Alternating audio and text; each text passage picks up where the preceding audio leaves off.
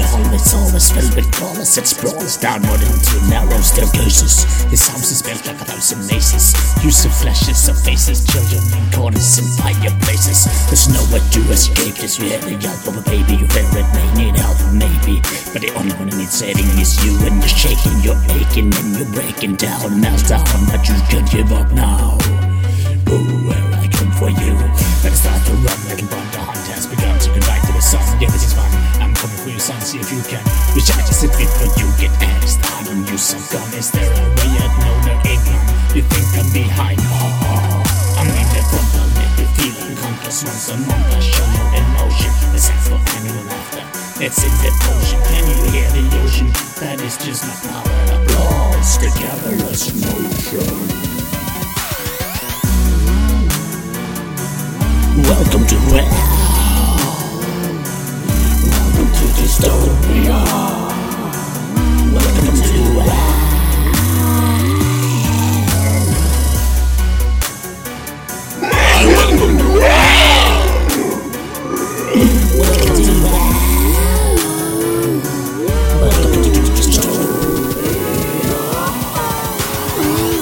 There, full of fright fear. This is your worst nightmare. Everybody else is coming for you with his knife. Demons scaring the living crap out of you there. Tear a hole in in here. I cut the throat of leather face with a leather lacing. Slowness changes, seven chasing. Talking mask is one amazing grazing. Then I chased it around and raced him with the razor. Then arrest my sisters and fisted Hannibal. Right on his cannibal, made it into a fanny soul. Instant enough, there is no bit his face right off. Nose, eyes, tongue, and all with my hungry cannibalistic jaw. He looked like I had just gotten a big rock. Then I turned to Jigsaw, he drove off on his tricycle. Too bad I'm booby, trapped his house and he got spiked by an icicle. I laughed when I penetrate, hit his head with a bright pickle. Then I put on a dress and stuffed the barbed wire in some ridiculous. Welcome to hell. Welcome to dystopia. Welcome to hell.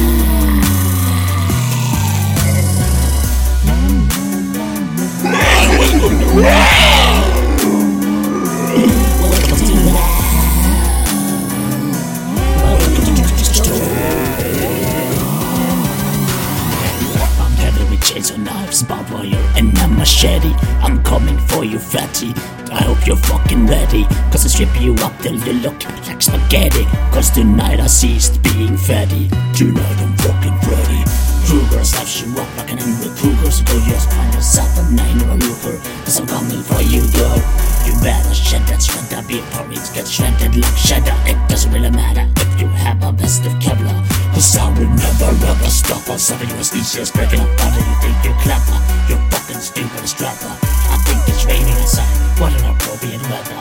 Tonight I'm Patrick Bateman, Bundy, Charlie Manson, and Shadon. I can fake man, yes I'm wearing this. Not cause I'm gay, but cause I'm wearing every victim's clothes after I slay them. And my last victim was Marion Raven. So what the fuck you gonna do about it, bitch?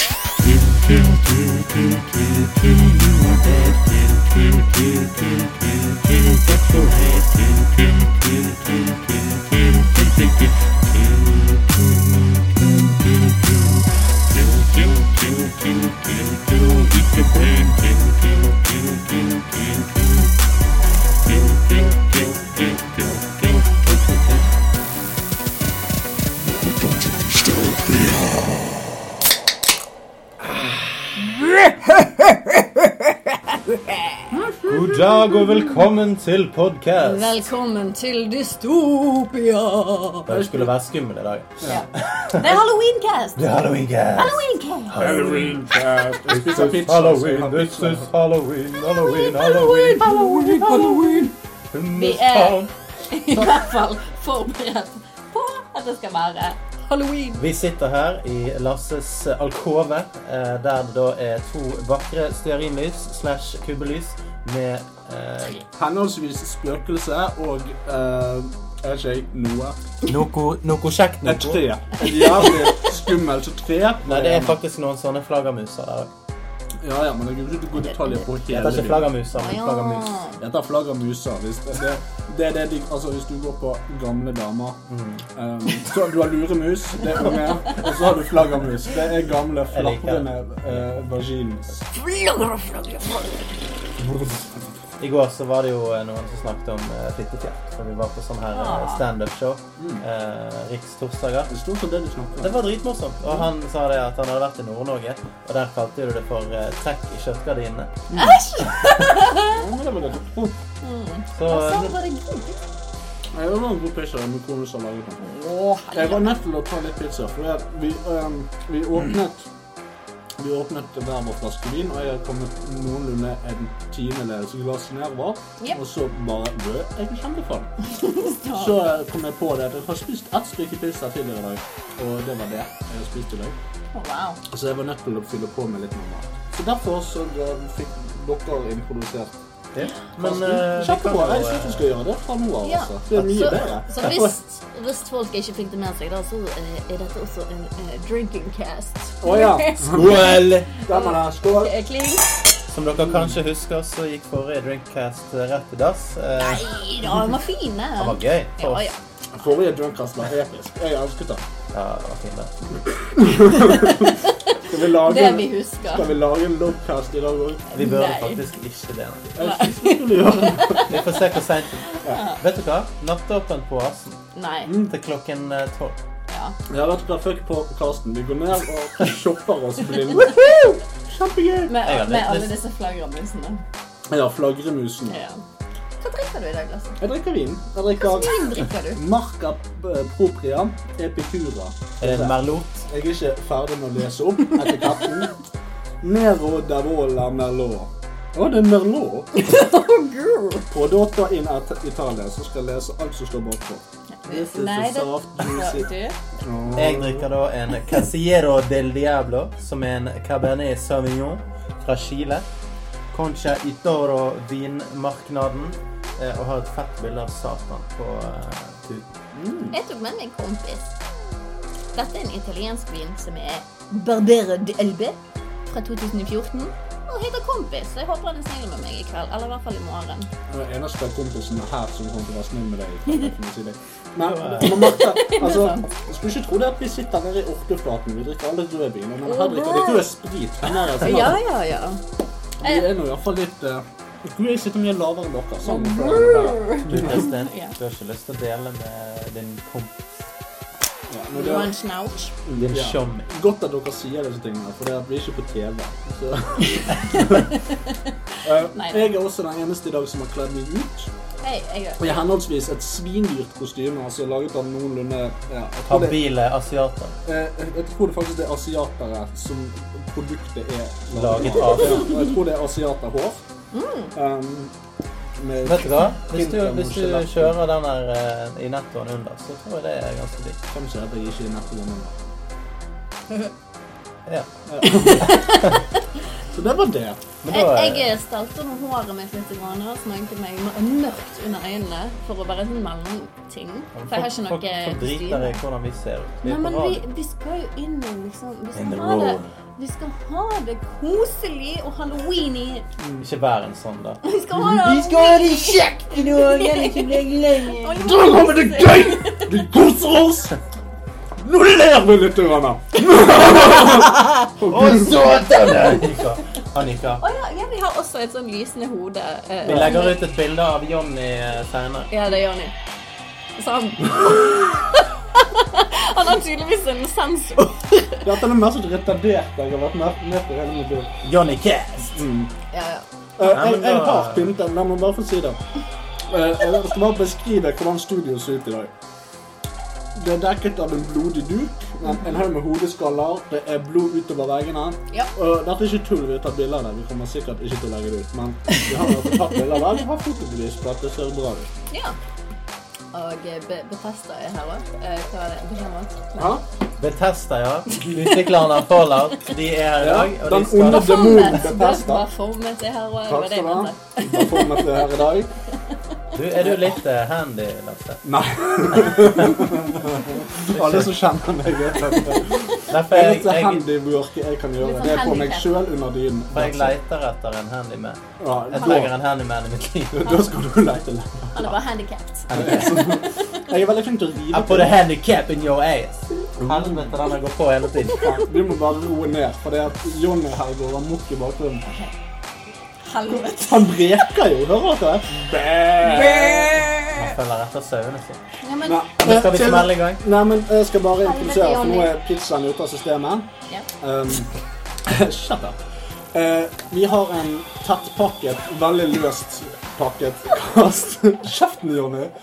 Um, I dag, istedenfor Twitter-nytt, så har vi creepypasta, spooky spagetti, skummel lasagne.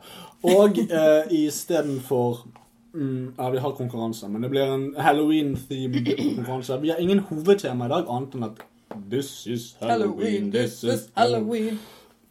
Ja. Vi skal vel også snakke litt om eh, spill. ja. For det var jo tenkt at det skulle være en spillcast, men så ble det en Hallo spillcast. ja. Hallo, spillet! Hallo, spillet! For eksempel. Jeg vil snakke veldig mye i dag og gå i detaljer om spillet Goddess. Har du spilt det? Nei. Jeg vet ikke hva det er engang. Nei. Jeg bare prøve å være med. Å, ja, men du må være litt nær og finne ut hva Goddess er. Silent Hill hadde jeg tenkt å snakke om. Sn- Silent Hill er et spill vi må snakke om. Ja. Men nok om det nå. Nok om det nå. Det var bare preview. Første kast. This is gonna happen. This is gonna happen. Hva Men begynner vi vi med, kan ikke? Vi begynner med Creepypasta.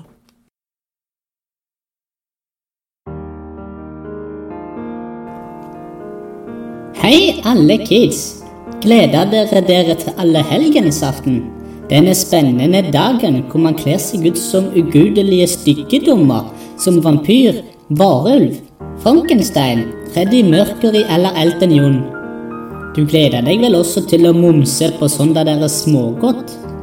Hva hvis jeg her i Jehovas vitner forteller deg at smågodt er en synd, og du kan ende opp på Satans spytt i helvete? Evig pine så flådd levende, der alle djevler strør salt godteri direkte på kjøttet ditt. Ja, tenkte meg det. Smågodtet smaker plutselig ikke så godt lenger. Hva om jeg sier at allehelgensaften er helligbrødet? Jesus døde for dine synder. Han sto aldri opp igjen som en såkalt zombie. Så hvorfor kler du deg ut som en zombie? Det er ukristelig å skremme folk. Det er en synd å kle på seg en maske. For alle dere som gleder dere til allehelgensaften, gleder dere dere også til å få tarmene slynget rundt halsen og vasse i urinveislekkasje langt inn i evigheten? Tenkte meg det, ja. Hva med å heller kle deg ut som en disippel? Ta på deg en skjorte eller sandaler og kom ned til bedehuset. Vi byr på vann fra springen og veldig tørre kjeks uten sukker. Satans strøssel. Presten vil skremme dere med en preken om dødssynder og viser film om Moses. Den er jo ganske skummel. Og for guttene så har prosten en liten ekstra overraskelse på lur på bakrommet. Kom ned til bedehuset, så feirer vi helgensaften sammen.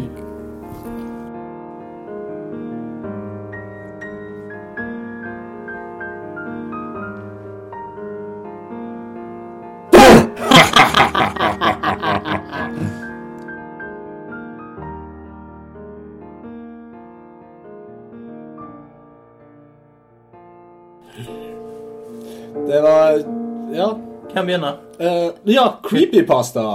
Spooky spaghetti. hånd om det. Ok, ta hånd om Den som vinner, får lov til å være først. Ok, men det er veldig dårlig gjort at vi skal ta hånd om det, for du vet at jeg ikke er handy.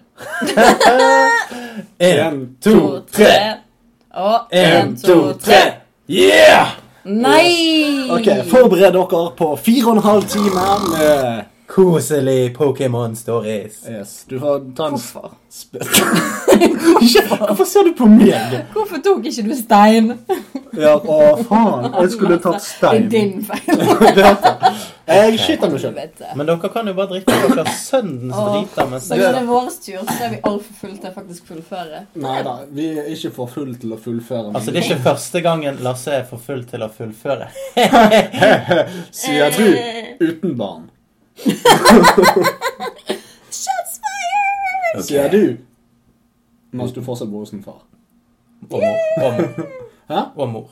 Det er ikke bare faren Nei, jeg vet det, men jeg Det var jævlig sexistisk av deg, Lasse. Nei, det er det ikke. Det er inkluderende. Marius, du skal snakke lenge nok nå. Ja, okay, ja. vi, vi måtte bare få ting ut av systemet. Kristin, vi tar en kjapp liten sånn her eh, snakketing nå. Nei, men dere kan bare kommentere. Rap god, rap god! Rap God,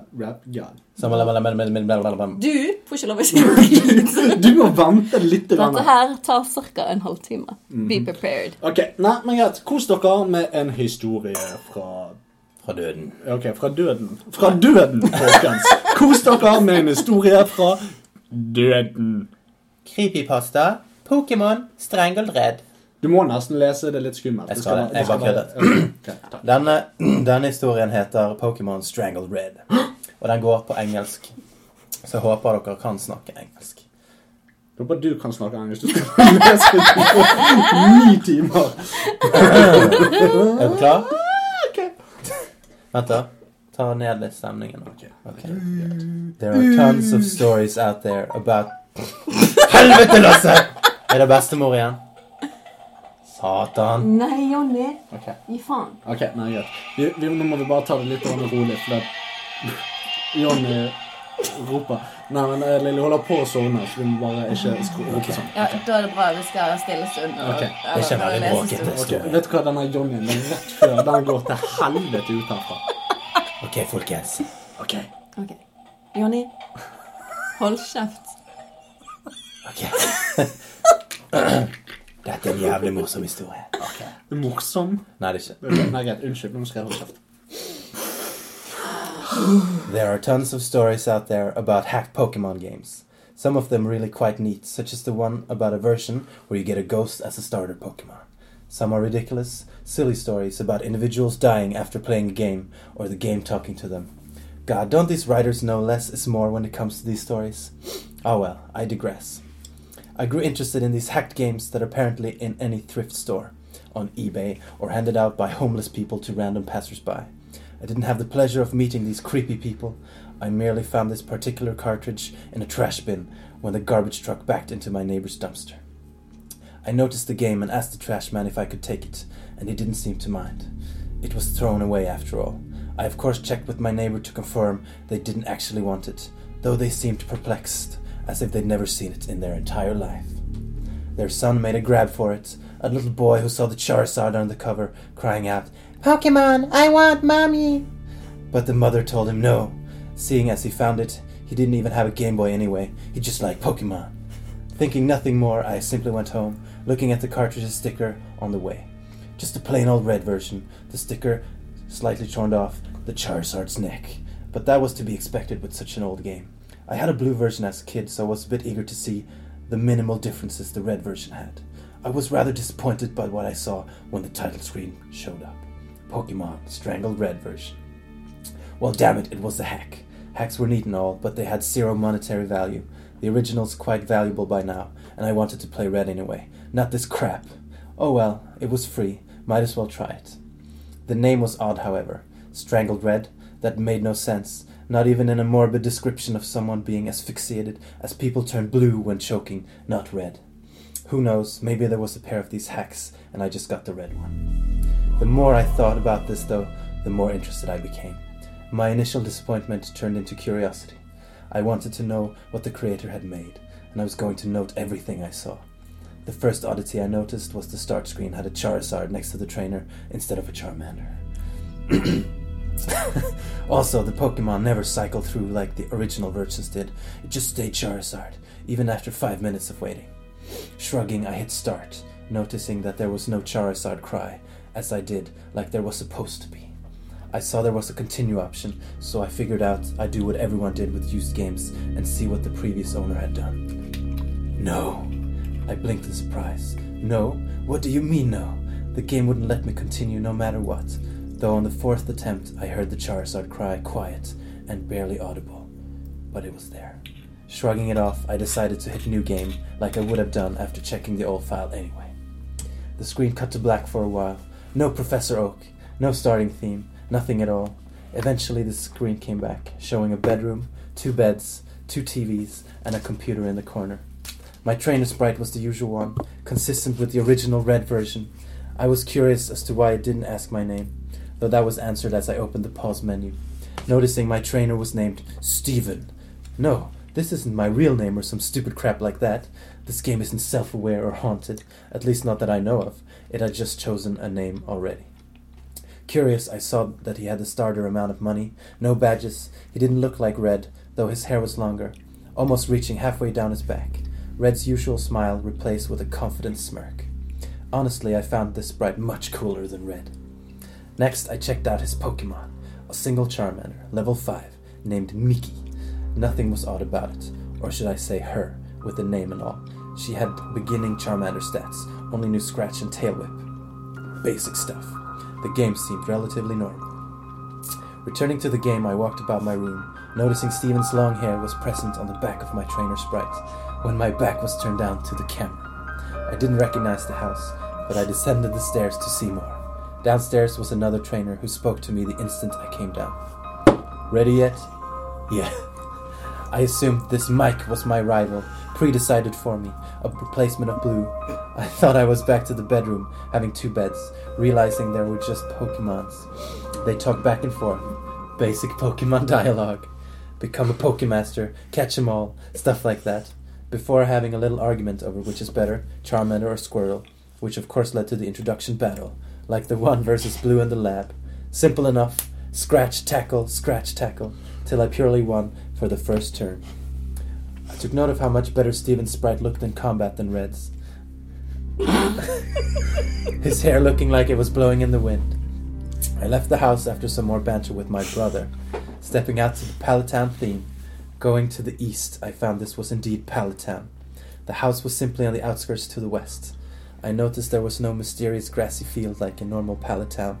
Wandering about, I decided to check in on Red's home.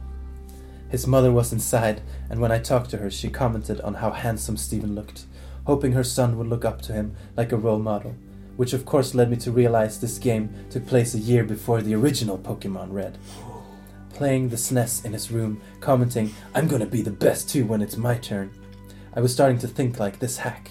It was interesting, a completely new adventure, a different character.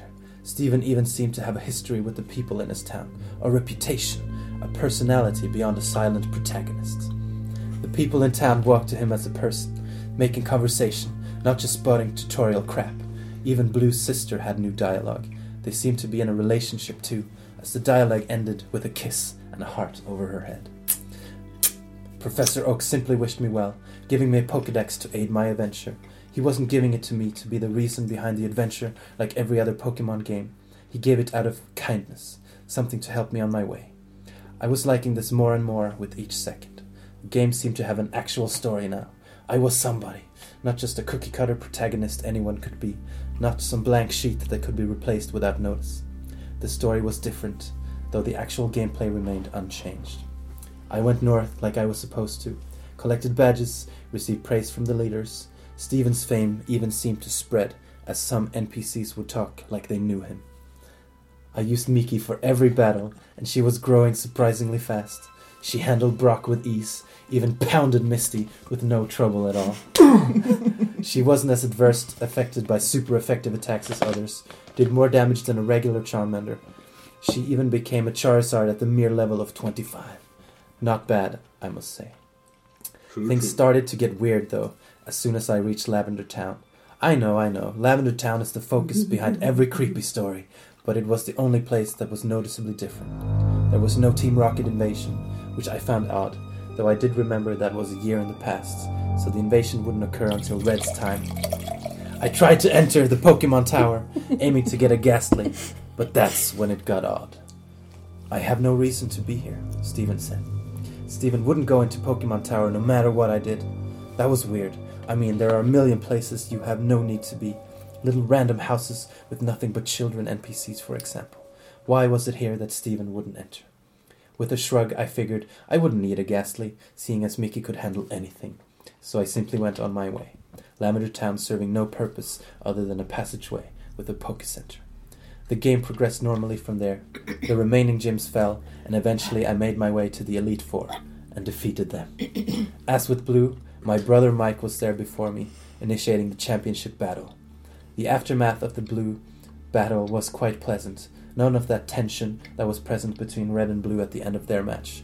The brothers congratulated each other with their progress and shook hands before the screen went white. No Hall of Fame, nor any credits. When the screen came back, it was as the house again, the two brothers sitting at the computer, talking with each other. Steven, I don't want to. Come on, I just gotta borrow her for a second to finish the Pokedex. The entry won't register unless she recognizes me as master. Just for a second. But she's my Mickey. I promise I'll give her back. Come on. Yes? No? I was a bit perplexed, so I hit no to be cautious. Come on, please. No! Come on, please. I realized this would simply continue to loop until I hit yes, so I did, just to see what would happen. Alright, this will just take a second, then we'll both be Pokemasters. The screen changed to the animation shown when two people trade Pokemon, which I found a bit weird, seeing as I was solo, but whatever, this was what is apparently supposed to happen. Miki went first. I watched lazily, lazily as she began to travel down the trading tube. Snap! That made me jump. The sudden noise resonating in my silent bedroom, loud due to the volume being way up.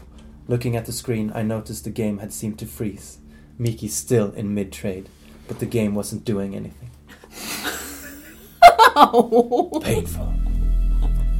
With a sigh, I just turned off the game, wondering when my last save was. When the game turned back on, I stared for a moment at the star screen. There was no Charizard next to the trainer. Upon pressing start, I saw the new game option was absent, leaving only continue. This was strange to say the least, so I selected it. The game staring without even showing my stats as usual. My jaw dropped at what I was greeted with. One year later, the Lavender Town theme came first, the screen slowly fading in from blackness.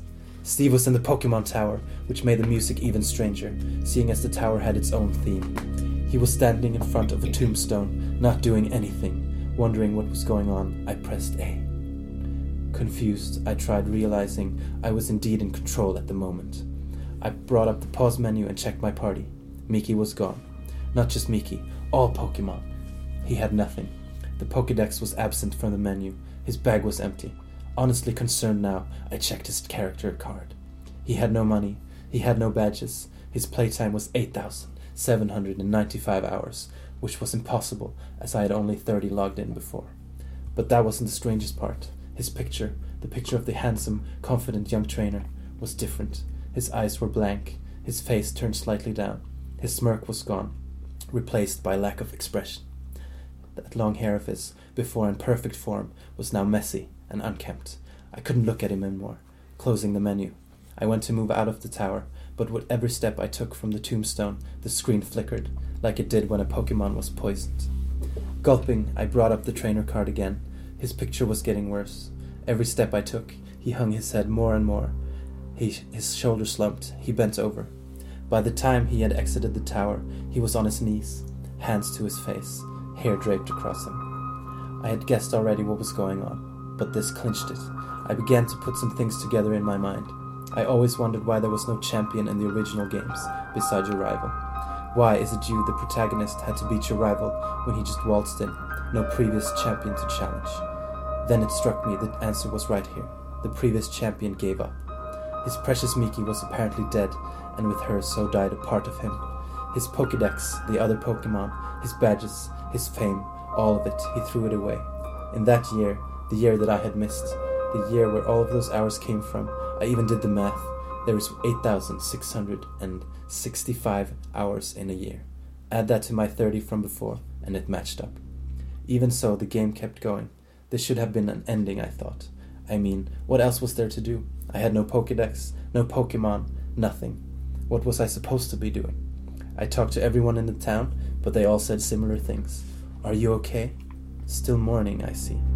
Everything will be alright. Please, is there anything we can do? Stephen never replied to them, and they all simply said the same things over and over. I couldn't put the game down now. This was all so strange. Curious, I headed off into the tall grass and eventually got into a battle with a rit- Ratata! No Pokemon was sent out, just Steven's sprite. I was wondering how I'd battle. Wild Ratata left you be. The battle ended without anything happening. This was certainly interesting, and it happened with every Pokemon I encountered. Wild Pidgey ignored you. Wild Ponyta wandered off. The music never changed. No matter where I went, Lavender Town followed me, following, sometimes slowed down slightly, sometimes not. I searched everywhere, every town, talked to everyone, wondering just what the hell I needed to do. My frustration was mixing with the depressing atmosphere, making the experience unnerving and uncomfortable, but I couldn't tear myself away. I was starting to get a bit angry, nobody telling me anything beside giving me their condolences and trying to give me things like lemonade or coffee.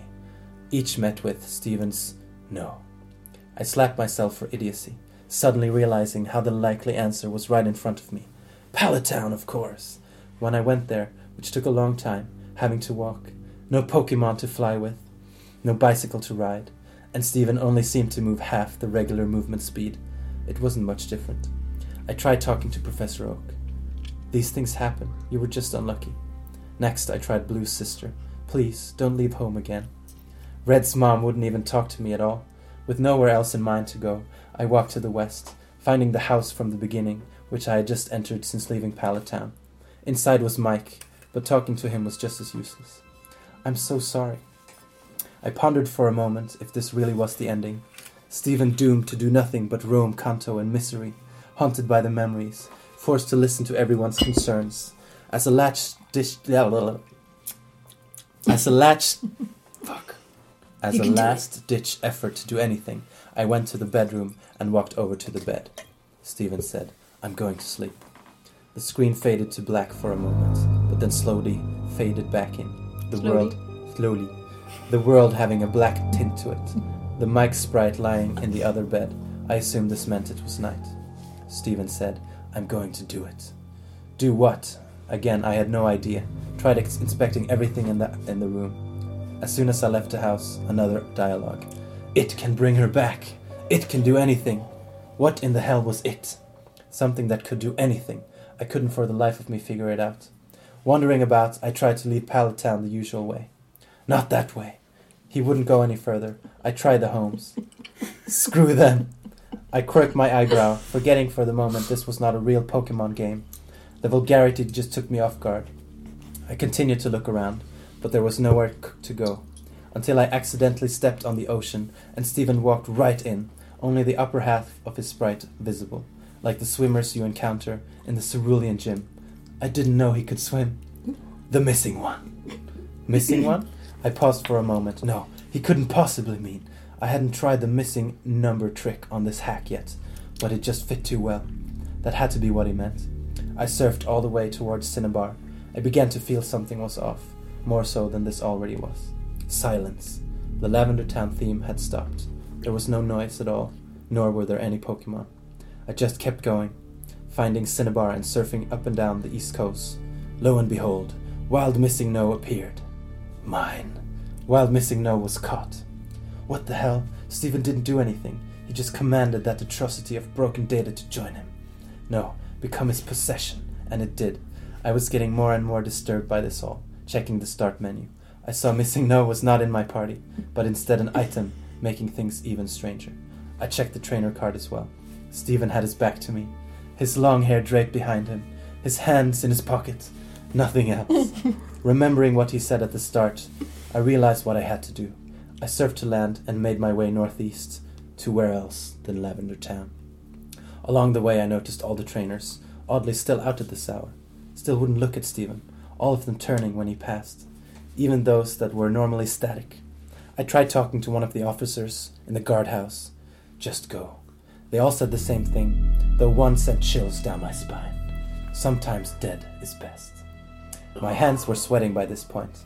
Stephen was about to try the impossible, something some would see as a crime against nature, which many of these people shared. I steeled myself. It's just a game, and I was going to complete it. It took an eternity to reach Pokemon Tower, but I got there eventually, taking a deep breath and heading towards the tombstone. I remembered which one, the image of Stephen standing before it was burned into my mind after all. First, I tried inspecting it. Mickey. Nothing happened. With a gulp, I opened the menu and selected Missing No from the bag. Stephen, don't use it, Professor Oak said. I was reminded of when Professor Oak would magically tell you that you couldn't use a key item somewhere, like when using the bicycle in a building. Though the message this time was different. Even worse, Stephen responded to it. In a world that cheated me, why should I play fair? Stephen used it. Stephen obtained. What in God's name did I obtain? I couldn't tell you because the game took away my control. Without my input, Stephen began to leave the tower on his own, walking single step by single step. The Lavender Town theme started again as he left the tower and began his excruciating slow journey against my will. Every time he crossed one of the borders where the music would change, it got slower, more and more disturbing. By the time he reached Cerulean City, it was a demonic rumbling. I just stared, watching him, trying to guess where he was going, but it was getting more and more obvious. He was heading to Pallet Town. The music had all stopped when he got there, playing single note by single note. He went exactly where I had guessed, right to his own house, inside and up the stairs. At this point, there was no music. Stephen moved step by step, stopping at his brother's bed, turning to face him. At first, I thought the game froze. He didn't do anything. He simply stood there, and I couldn't move him. I did, however, find out I could open the pause menu. I was terrified to look, but I couldn't stop myself. I selected his trainer card. There was a low growl noise, like a distorted Pokemon cry. Stephen was looking at me again, directly at the screen. He was hunched over, his bangs obscuring his face. His hair was wild and feathered out. Between his bangs, there wasn't even a face at all. Just a black, two red eyes looking straight forward, a white grin contrasting with the darkness. That wasn't all. His name was now S exclamation mark 3V3N. Oh my god! I couldn't look away, my eyes glued to his, not breaking contact for some time. My vision was getting blurry until I couldn't see very well. My face grew wet. I was crying like a baby. There was nothing I could do to hold back the tears.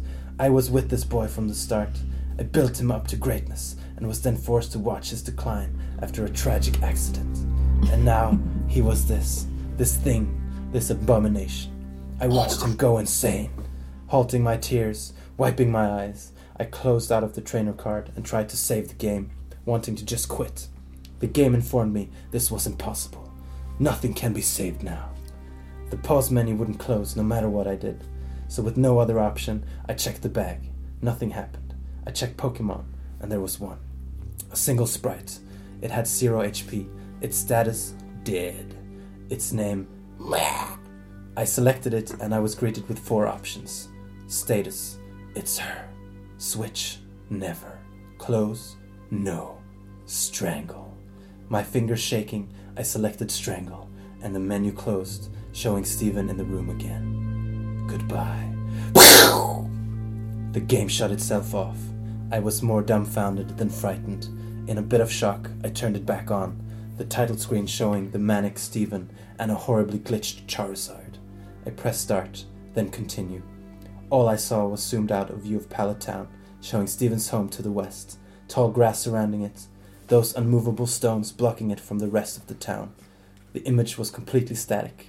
No music, no movement. Before fading to white, going back to the title screen. It was as it has been when it first popped in a trainer and a Charizard. I attempted to hit continue. No.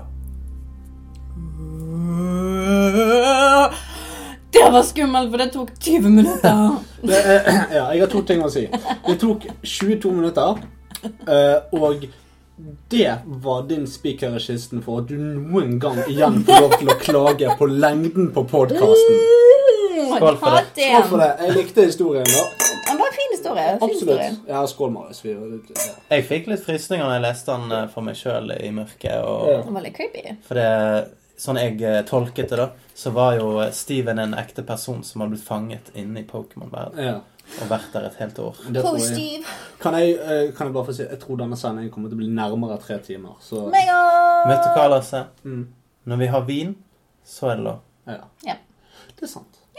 Fordi at forrige Fyllercast varte òg jævlig lenge. Ja. Vi hadde jo tre, Vi, vi lagde tre caster forrige gang, hvor den ene forsvant. Og grunnen til at jeg klagde sist, var at det var søndag, og at jeg var sliten. Åh, for det, du hadde drukket Alle vennene mine sier at en time mer er nok det. Altså, jeg lover deg. Det er så, Men Lasse, De sier jo det. Altså, ikke venner, det var bare uskyldig.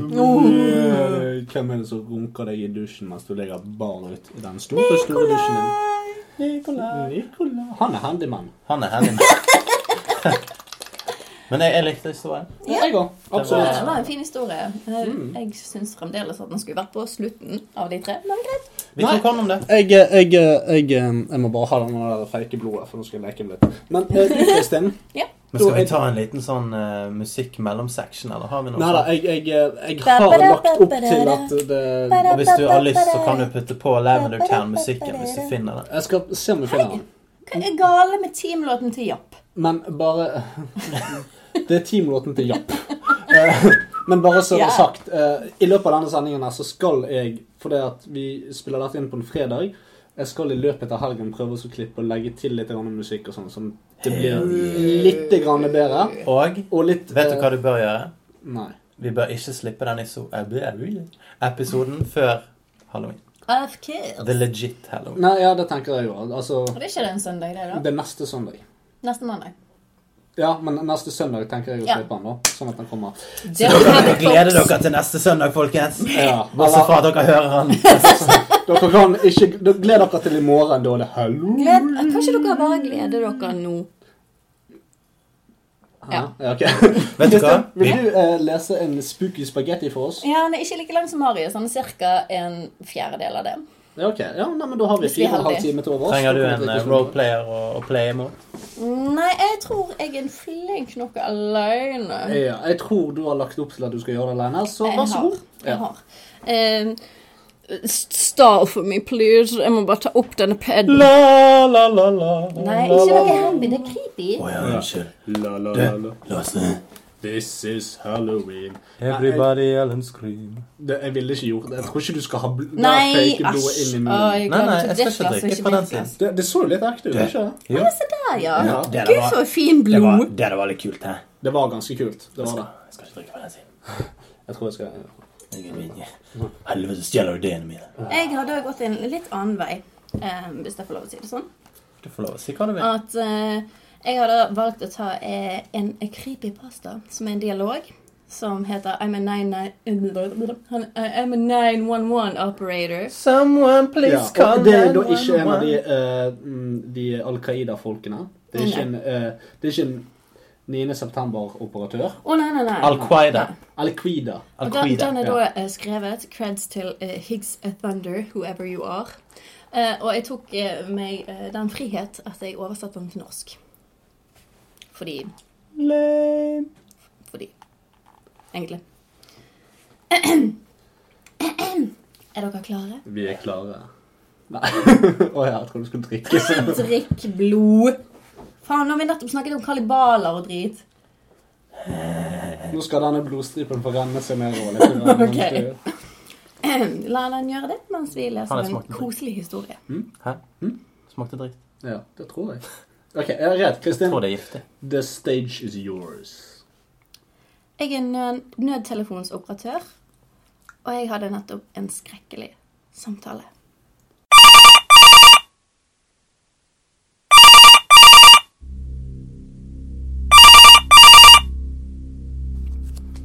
Du har kommet til nødsentralen. Hva er din nødsituasjon?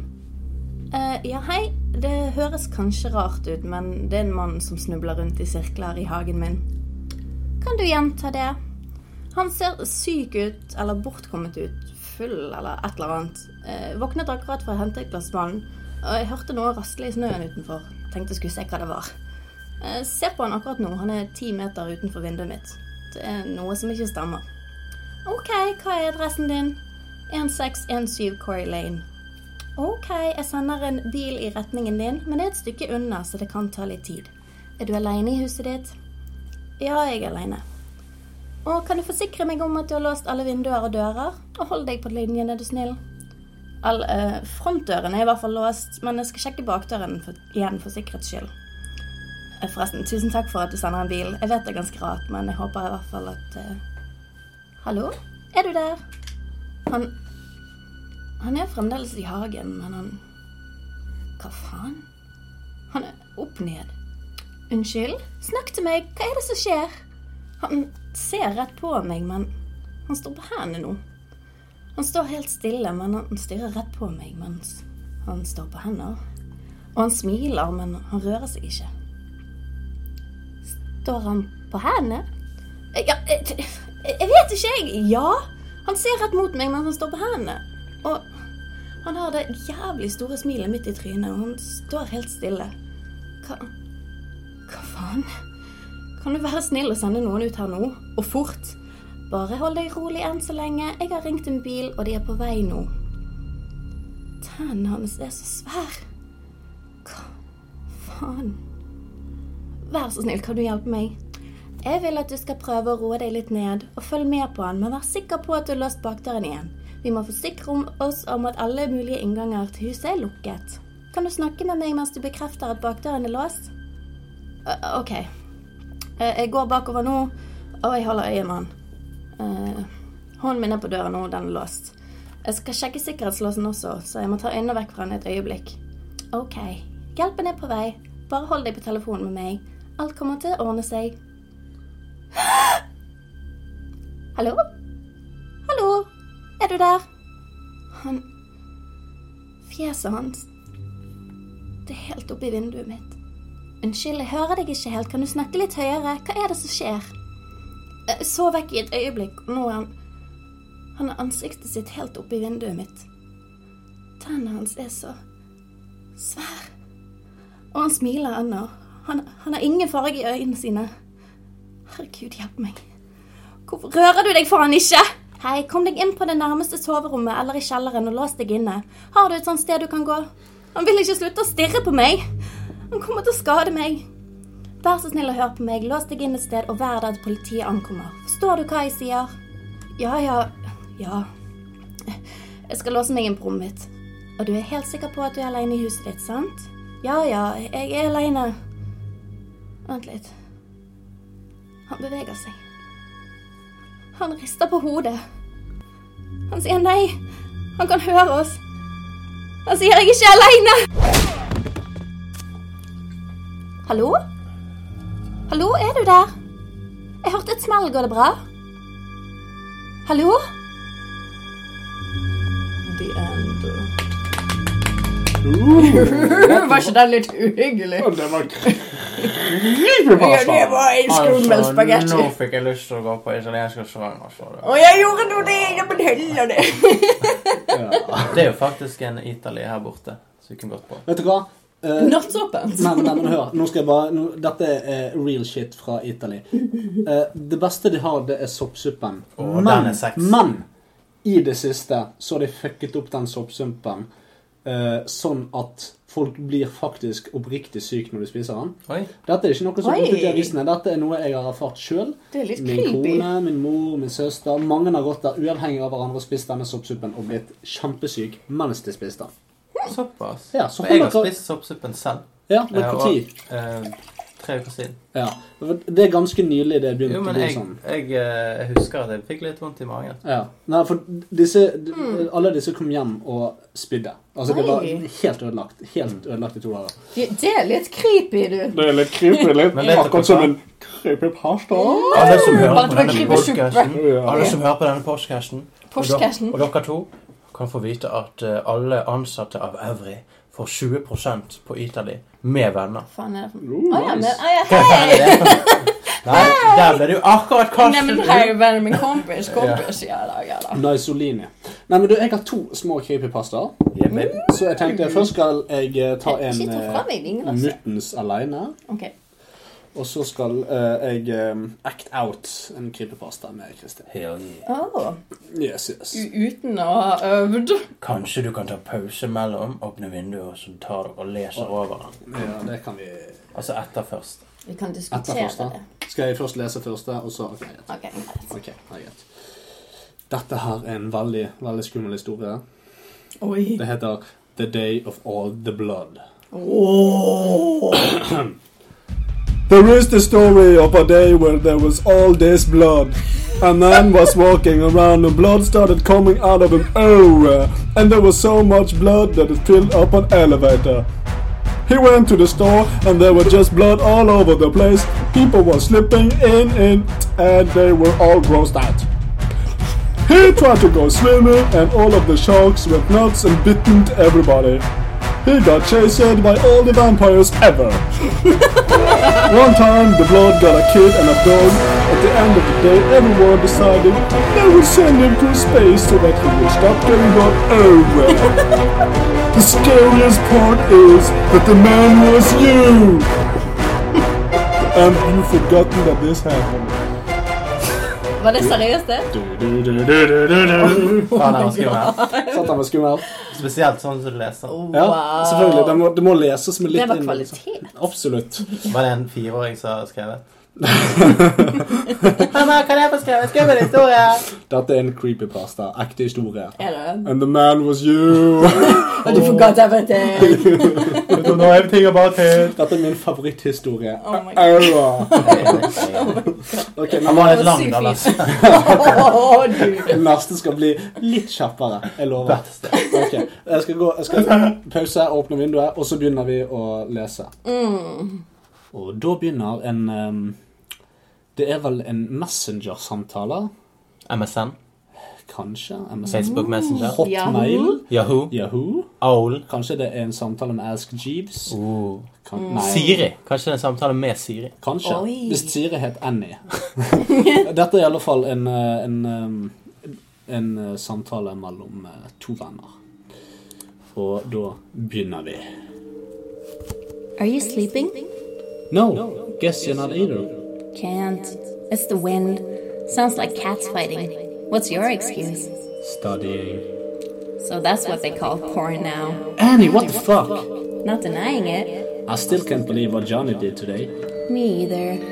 That boy has issues. What the fuck? The wind is so loud. That doesn't sound normal. Lol. No wind over here, just rain. Lucky you. I need my beauty sleep. Damn right you do. What? You mean I look.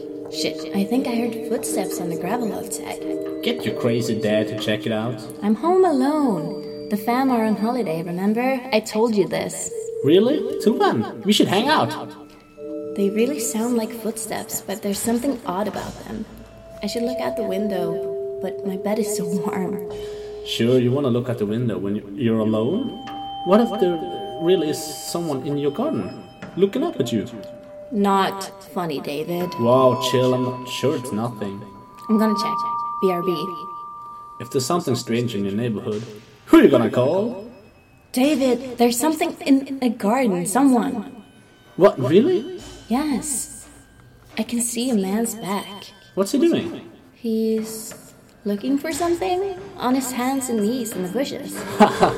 He must be high, probably looking for his drugs. David, this is serious. What should I do? Nothing? He'll probably just go away by himself. Oh my god, now he's digging with his bare hands. He's ruining the garden. Shit, he's turning around. What does he look like? David, what the fuck? This is not funny. What? How are you doing that? What are you talking about? I can see that it's you in my garden. How are you writing here without touching your phone? Look up! I'm by the window. Can't you hear me banging on it? Fuck, Annie, now you're scaring me too. I'm definitely not in, in your garden. That's not me. Stop playing around. I can see your face. And you're wearing that stupid football jacket you're so proud of. Must be something who looks like me. Honestly, Annie, I'm at home. I, I wouldn't play around like that. It has to be a friend of yours, David. Playing a sick prank. How else could he be wearing your jacket? There are loads of jackets like that. My friends don't look anything like me. You just have me on your mind. He's digging again. Fucking leave already. Annie, do you have a gun in your house? Don't be stupid, David. I couldn't shoot anyone. You don't have to use it, just show that you're carrying. Doesn't that jacket have your name on the back? Yeah, the team all got one, but with the name on it. I can fucking see your name. What? What the hell is this, David? Annie, that jacket's in my closet. Fuck! He's seen me! Why is he smiling like that? He's coming! Call the cops. Annie? Annie, pick up. I've called the cops, told them there's a break-in attempt at your place. They, they said they're on the way, but it'll take about half an hour. Annie? Annie, are you there? It's in the house. Can't talk, I have to be quiet. Lights off. I'm in a closet with a knife. Hard to type shaking. Too too much. Fuck, fuck, hang in there, Annie. The police will be there in like 20 minutes. Do you know where he is? It, not he. The look it had when it saw me, David. No person could look like that. Jesus Christ, does it know where you are? No. I grabbed a knife when I saw it running toward the house, and I got in the closet when I heard it breaking in. Okay, good. You'll be fine. Um, a druggie doesn't have the brains to find someone hiding in the closet. The police will be there soon. Oh God, it's calling out to me. It doesn't sound like you, David. Its voice is so deep, filling the house, filling my head. What is it saying? Come out, Annie. I just want to look at you. Keep saying that over and over. Have I gone mad, David? Is this what it feels like? Just 10 more minutes, Annie. Keep it together. You are so strong. You will get through this. It's coming up the stairs, but so slowly, irregular steps. Why does it look like you, David? Why you? I don't know, Annie. Please believe me. Can you make it stop? Please make it stop. I would if I could, I promise you. Is that the end of the hall? David, I didn't say anything to my parents when they left. I was listening to music. Is that the last time I see them? Annie. This is something to do with you, David. Only you can make it stop. Think fast. I don't know, Annie. God, please. Please. It might be. Maybe because I, I, I think of you so much. I think of you all the time. So stop. I don't know how. Scraping something on the walls to get getting closer. Please, David. I'm trying. I'm trying so hard. It's slowing down. Try harder. Whatever you're doing is working. It stopped.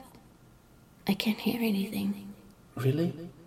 Don't go out yet. Just stay put until the police get there. What should I tell them if it's gone? Everything, Annie. Everything you told me. I didn't know you felt that way about me, David. I'm so glad it stopped. Can you come over in the morning, David? I really need to see you. Of course, Annie. I'll, I'll, I'll be there. Great. Can't wait. Annie? Annie, how do I know this is you? Annie went offline. Hot damn! Ok, noe skjedde med Annie. Annie, are you okay? Are you okay? Are you okay, Annie?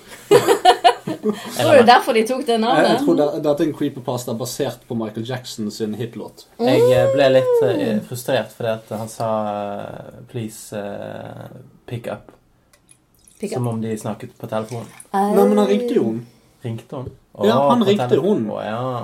Jeg er med. Ja. Da er ikke det så galt. Jeg, jeg syns faktisk den, denne fungerte veldig bra. Du er veldig flink til å spille skuespill, Kristin. Det må jeg si. Thank you, det er alkohol. Alkohol som spiller skuespill. Det er nok Yes. Eh, men det var i alle fall segmentet Creepypasta. Så har gått over en time. Eller snart en time. Dette er spalte nummer én. Yeah! Det er god stemning. Det Er det halloween, så er det halloween. What? Vi har over en halv flaske vin igjen. Nei, Kristin er ikke det. jeg har sjampis. Ja, jeg har whisky. Yes. Yes. Skal, jeg, skal, jeg, skal jeg bare kjapt fortelle dere en annen eh, creeperpasta før vi går videre? Ja, ja, fortell. Ok. fortell. Nå er vi inne på det. Vi kan, Ja. altså, det blir litt, litt flaut å gå tilbake igjen når vi er ferdig med det. Ja, det er sant. det. Ja. Uh, there was this guy and this girl, and they were making out, and the phone, uh, the, the girl's phone rang, and uh, the guy picked up, and he answered it, and and and the girl said, "Who is that?" And he was like, "It was your dad," and she was like. But my dad is dead. Then who was phone? Oh my god! Beste i hele kvelden. Who was phone? Who was phone? Who was phone?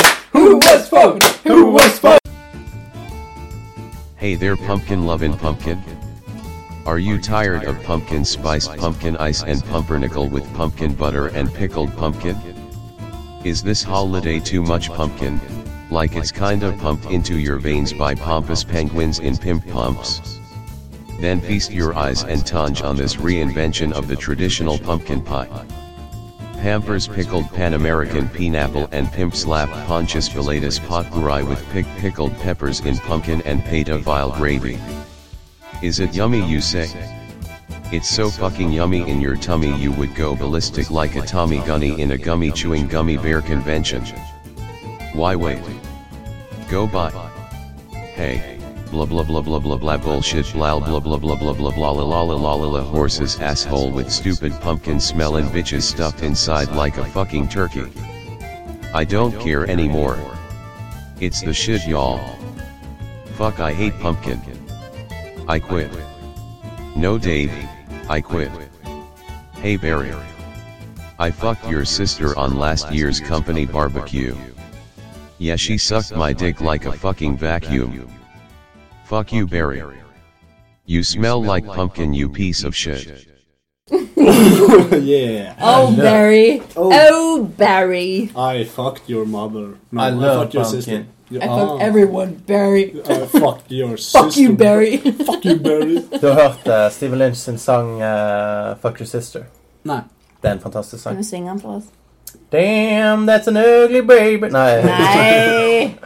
Da er vi kommet over i neste segment, og kan dere huske hva det var? Det er Det er- en time siden vi introduserte det. Arrestasjon. Yes, vi har anmeldt hver vår skrekkfilm. Vi har arrestert skrekkfilmer. Vi har arrestert skrekkfilmer. Marius deep throat en krokodille. Yep. Det er ikke første gang. Krokodille. Oh, crocodile Dundee. Krokodil Dundee. I put my finger right up his ass! You call that a crocodile? This is a crocodile! Oh, I mean crotch-odile. Yes. Hvem vil begynne? Krokodille. Krokodille. Den, den bare boom! Den Det, det var, du skal få for den, Marius. Jeg skulle til å si Der gjorde det godt igjen for at du hadde en så vi ta hånd om det? kjære Skal vi ta hånd om det? Ok, ok. Vi tar hånd om det. Junkin Tron. En, Gå og se! Jeg går se! Jeg går ikke! Jeg vant. Du vant. Ok. Jeg vant. Så da eh, skal jeg begynne. Jeg har anmeldt Eh, Skal vi se. Jeg, jeg skal bare Jeg bare begynner å fortelle, jeg. Så får dere etter hvert uh, vite hvem Do jeg it er. like they do on the Discovery Channel. Do it again. Ok. Når M. Night Shyamalama setter i gang og lager film, holder hele Hollywood pusten. Da han debuterte med Den sjette sans, skremte han oss alle med gjenferd. Denne klassiske og nydelige skrekkfilmen satte baren høyt for M. Night, med skuespillerprestasjoner fra selveste Bruce Willis og sutrehodet Hailey Joel Osment, som faktisk er en gutt. Du vet, han stive drittungen fra AI. Den sjette sans skremte oss og fikk oss samtidig til å føle. Filmen etterpå, Unbreakable, med en bitrere og mer deprimert Bruce Willis og Sam Jackson, fikk oss atter en gang til å føle, og viste verden at denne lille inderen, Shamaltanas, hadde god peiling på film. Etter Unbreakable kom Science, en film om aliens og astma. Dette var han, hans tredje film, og også den siste gode han har laget. Fra M. Night Shabamamamama lagde The Village, har verden sett at gir man en rablende gal regissør litt for mye frihet, så vil et imperie velte. The Village er en film om forvokste pinnsvin og en blind amish. The Lady in the Water handlet om en vannymfe og en veldig uengasjert Paul Giamatti. The Happening var et eneste salig rot med Marky Mark Wahlberg som ikke skjønte noen ting, og alle døde, osv. Etter dette så tok M. Night Shama Lumba Sumba grep og slaktet, parterte og sprutet saltvannslake inn i Avatar den siste lufthemmeren. Til Hollywoods store skrekk og gru. At Hollywood fortsatt ga mannen penger, er et mysterium. For ikke lenge etterpå kom makkverket After Earth, med henholdsvis Will Smith sin kropp og sønnen hans Jaden Smith i rollen som en vandrende østers med øyenbrynsproblemer og manglende evne til å formulere en setning som faktisk gir mening. Vel, det så ut som Hollywood omsider ga opp på vår vesle. M. Night Shyamalan sto plutselig igjen uten verken lojalitet fra skuespillere eller budsjett. Og det er her han finner ut at han skal lage enda en film. Ja. The Visit. Jeg har sett denne filmen. Vet du hva, den likte jeg. Du må ikke, du må ikke foregripe min Det er mye det i filmen hans i det siste. Det er sant. Jeg tror kanskje det er problemet. Det. Han bare fjerner det Det, det kan godt være. Eh, til tross for at denne gigantiske advarselen man får opp når man på Netflix klikker seg inn på den, og så står det at den er laget av M. Night Shonda Rhimes. Så filmen starter med et håndholdt kamera som har en meget sliten og subliminalt bitchy mor i hovedrollen. Filmens utgangspunkt er at datteren til nevnte mor skal lage en dokumentar om familien deres. Da de for første gang i sitt liv skal reise til besteforeldrenes hus, der nevnte mor har vokst opp. De blir introdusert for et plott som virker syltynt og pålagt i klippen, før vi får treffe begge barna. Gutten er en vanvittig irriterende type med dassklipp og altfor grove trekk til å være et barn. Han tror sjøl at han er Guds gave til menneskeheten, og fra tid til annen får vi se han freestyle de flaueste versene verden har sett siden Lill Wayne la på autotune. True. Det er Lill John. Same thing. Lill Wayne sounds like that. Okay. Besteforeldrene møter barna på togstasjonen og virker absolutt ikke interessert i barna. Barna tar ikke denne overtydelige hintet, og den plagsomme filmskaperdatteren, som for øvrig ser ut som mellom 10 og 47 år, utsetter de stakkars pensjonistene for poseringer, pinlige intervjuer og direkte mislighold av medmenneskelighet og sosiale antenner. De drar til besteforeldrenes hjem, hvor mye historie dukker opp, og barna går naivt til verks med å lage sin dokumentar. Til å være en 40 år gammel tiåring, som datteren er, så er både, både hun og dassklippen av en bror bemerkelsesverdig dyktig med sine kamerateknikker. Etter hvert som historien utfoldes, merker vi at noe er veldig gale med besteforeldrene. Unnskyld? Bestemoren kler seg flett naken og står i sin naturlige cellulitthud og grafser på veggene. Selvsagt kun etter at klokken er blitt halv ti. Bestefaren på sin side har laget et leirbål av brukte, blodige drittbleier. Dette er bare innledningsvis. Besteforeldrene skrues sakte, men sikkert til i løpet av uken og vandrer dypere ned i galskapen etter hvert som stemningen blir mer og mer ubehagelig. Det hele kulminerer i noen dramatiske scener mot slutten. Selv om jeg så tvisten komme milevis unna, og en del scener er direkte overflødige, så ender ting på en lysere note enn en sjette sans. Så funker dette. La meg snakke direkte til M. Night Shablangadong. Du, kjære hin hindi-innvandrer, har faktisk klart å sette deg ned, heldigvis denne gangen uten store skuespillernavn eller budsjett, og har da vært nødt til å lage en film basert på ren fortellerkunst og fantasi. Dette funker faktisk. Filmen er ikke uten sine dype fallgruver, og dassklippen er blant de dypeste juvene. Filmen er engasjerende og faktisk provoserende morsom, i tillegg til å være sjokkerende og skummel nok til å pirre meg videre til neste scene. Rollen som bestemor er noenlunde perfekt castet. Rollen som bestefar er ikke langt unna. Resten av skuespillerne kunne vært for, til, med fordel byttet ut med store gresskar med sminke, uten at den store forskjell i prestasjoner. Men bestemoren gjør opp for det. Det eneste jeg finner ganske problematisk, er trusselbildet disse barna står overfor etter tvisten kommer.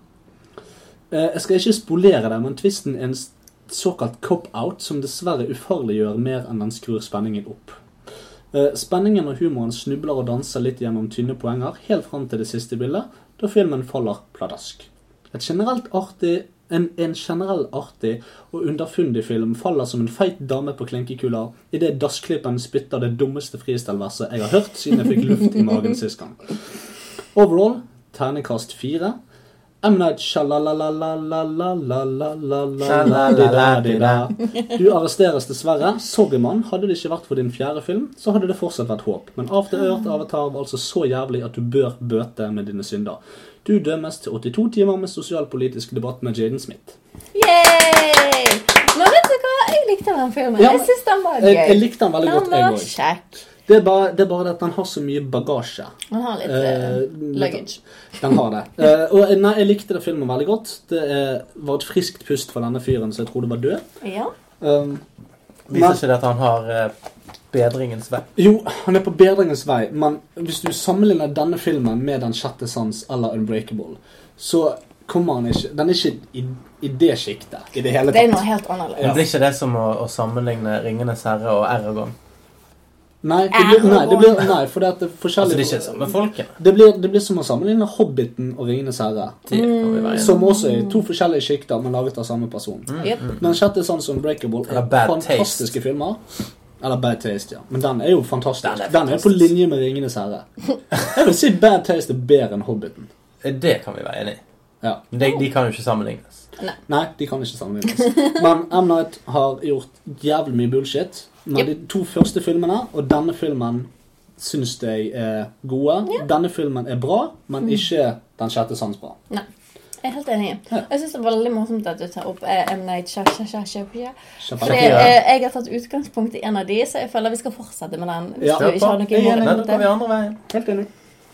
Så da eh, bare eh, spør jeg folk. Har du noen gang lagt merke til coveret eller tittelen til en horrorfilm med masse potensial og tenker Wow! Denne filmen ser utrolig spennende ut. Den er nok verdt å se. Jeg vet hva, Det har jeg gjort så mange ganger. Mhm. Og jeg skal ikke, jeg, jeg skal ikke gå videre på noe, men bare ja. Ja. Jeg har bedømt en film på its cover. Og funnet ut at halvveis inni filmen tar storyen en hel omvending, og man lurer på hva faen er det som skjer. For det har skjedd med meg! Jeg vil gjerne benytte denne anledning til å snakke om en slik film som har spenningen med seg fra starten av. Fordi det er onde, ukjent og skremmende. Og i denne filmen er det snakk om et virus der folk blir smittet helt uten å vite hva det er som forårsaker smitten. Når man blir smittet av viruset, så får det folk til å ta livet av seg helt uten noen spesiell grunn. Det blir apokalypsestemning, kaos og redsel, og filmen gjør at du sitter med vidåpne øyne og venter i spenning. Hva i all videste verden er det som skjer? Og så kommer avsløringen. Det er planter og trær som sprer viruset fordi de er gått lei av menneskets ødeleggelser og utsletting av dem. Og da, folkens, da er jo det en ting, det òg. Ideen er jo nyskapende i teorien, for det har jo ikke vært gjort før. Og det er helt sikkert en god grunn til det. Har du aldri spilt Plant versus Zombies? Har du aldri sett The Day of the Trifids? Um, nei. Children of the Corn? Men disse plantene er jo i tillegg smarte og utvikler seg fra uh, de i første gang omgang. Går og angriper, de går og angriper mennesker i større grupper til å da jobbe seg gjennom enkeltindivider også.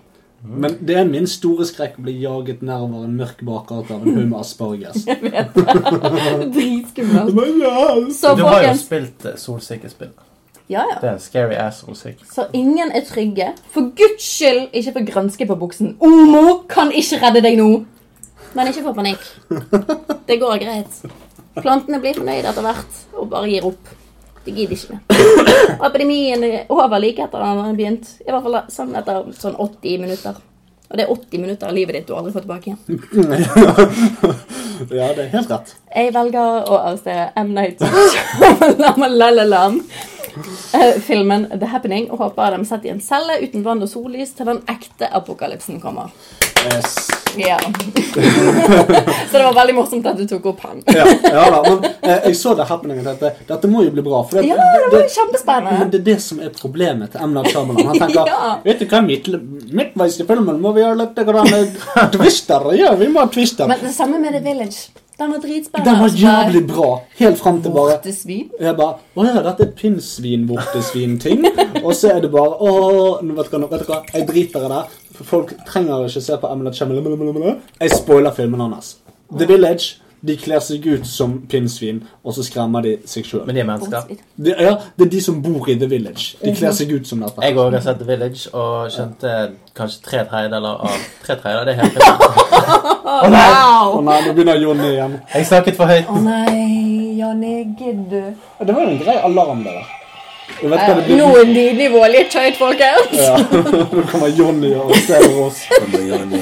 Nei, Men det er kanskje sant. Du skulle hatt en sånn vakt. M. Night fikk eh, blod på kuk idet han eh, lagde en god twist i Den sjette sans. I see dead people. Etter det Hva var twisten i den igjen? Twisten var jo at At eh, Bruce Willis hadde vært død hele tiden. Ja. Var det den, ja? Ja. Ja, riktig. Ja. Det, ja. Ja. Det var jo sånn Å, herregud. Forresten, spoiler alert. Ah, ja. Du kan ikke si det etter du Nei, nei, men det, det kan du Beklager ikke. hvis du er syv år og ikke har sett den. Ja, det er sant. Du Selv om du er syv Hvis ikke du har du sett Den sjette sans, men hører på denne episoden, da har du prioritert feil. Kjære deg. Ja. Du har nettopp- hørt på 20 minutter med Pokémon Strangled Red, men ikke 22 minutter, sans. takk. Og 30 Det sekunder. Det er 20 minutter av livet ditt du aldri får tilbake. Gå til M. Night Shabanarema og få det tilbake. Hva er det egentlig heter M. Night Shyamalan. Shyamalan. Shyamalan. Shyamalan? Shamala... Shyamalan. Så Hold nå kjeften på deg, ditt jævla amøbe. Shyamalan. Ja, men det er det jeg også sier. Ja. Det er M. Night Shyamalan. Nei, men det er M. Night Shyamalan. Nei, det er samme som Nei. Men er det en Y der. altså, folkens, det er det samme som banan. Altså banana. Det er ikke bananananana. Eller ananananas. Det er bare Shyamalan, sant? Ja. Det er en stopp der med en gang. Det er ikke Shyamalan. Nei, det er, chamalain Shyamalan. Ok. Å ja, faen, Marius, du hadde en. Å, helvete, må ikke vi snakke Å mer. nei! Vi har savnet deg. Velkommen inn igjen. Hvis det var det først, nå du sist. Det Ok, en folkens. Da er vi klare.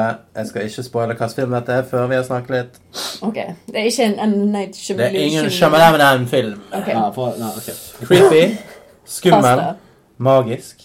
Ingen av disse ordene beskriver denne filmen. Klisjé er kanskje et bedre ord å bruke. Denne filmen Unnskyld, jeg må bare. Fortelle hvorfor jeg ler. Og er jeg vet på forhånd hva film du skal anmelde. Og det er så jævlig godt sagt. Fortsett, kjære deg. Klisjé er nok et bedre ord. Denne filmen var riktignok den første skrekkfilmen jeg noen gang så. Som også er grunnen til at jeg har valgt å ta den for meg. Jeg kan ikke annet enn å skaffe, skaffe meg Skamme meg for å ha følt et gram med frykt. Filmen er en skrekkfilm om fire ungdommer som prøver å skjule beviset på at de har kjørt på en mann, bare for å finne ut at mannen fortsatt lever og er klar for hevn. Altså Hvis ungene faktisk ville eh, få en kropp som de kjørte på bort, så burde de bare sjekket den inn som flybagasje. Ikke nok med det, men mannen utfører sin hevn med en krok. En krok. Om han bare var like, like dyktig med den i Peter Pan-filmene Tenk å se han dra Peter Pan ut av himmelen med en enorm krok i ryggen. Ja takk, Det hadde ikke vært Disney-film. Hva tror dere denne morderen sitt favorittband er? Dr. Hook, selvsagt. Så for, ja da, det er Dr. Hook. Det er helt rett, det. Hva sier Parents Need To Know om denne filmen? En ung mann tar selvmord og drikker alkohol. Ungdommen drikker alkohol på stranden, en fra en stor flaske whisky. Han oppfører seg på en skikkelig full måte. Å nei! Det er også bølling. Både fysisk og verbal bølling. De bruker til og med F-ordet i alle dets variasjoner. Oh Får vi en god. film! Ikke vis den til barna. Den har klart å gi et opphav til noen fantastiske scener i parodimesterverket Scary Movie. Dere kjenner kanskje en linje- som I love it when you play with my ass. Straight um. guy. Oh my bad. Pretending to be straight guy. Yeah, I remember. I Alt i alt en nostalgisk film som man bør se med sine barn. En god måte å få de hektet på sterkere saker som Scream og Hannibal. Hva er vel bedre enn å måtte sove med en vettskremt unge i to måneder? I know what you did last summer. Du har retten til å forbli en kultklassiker. Ja, det- Kjempebra. Jeg, det er den beste anmeldelsen jeg har hørt slash lest om uh, ja, Fryktens sommer, som den heter. Fryktens sommer, ja. Wow, det var så fryktelig. Jeg, jeg, jeg, jeg tror jeg hadde vært flau hvis jeg skulle vist den til Lilly. Hun er ett år. Hun er ett år. Altså, han Jonny bak her hos da, han ser ekstremt makaber ut. Hodet hans er to ganger så stort som vårt hode, og veldig grafisk og ekkel. Og han, når jeg gikk i butikken, så ble Lilly forelsket i han. Så hvis de skal se Frykten sommer sammen, så tror jeg hun kjeder seg. Det tror jeg òg. Ja. Men uh, en gang til. Altså, det var første Not more for that you died. You're happy. Men jeg var, jeg var åtte år gammel da jeg så han. Ja. Og jeg var faktisk Jeg syntes det var skummelt. Eh, aldri sett skrekkfilm Nei, før. ja, men da, Eh, VHS, litt sånn her Sant? Og så Ting var skumlere på det er skummelt. Rett og slett. ja, men vet du hva som Og jeg satt og spiste en shake-is, eller hva faen de het. Shake-is! Shavies. De sluttet å selge det, og det er så forferdelig. For jeg synes det var så deilig å ta shavies inn i munnen og blø fra gommene etterpå. Ja. Det var helt fantastisk. Og så alle de flotte fargene. Ja, det var blod. Det var blod. There's blood everywhere, and it's you.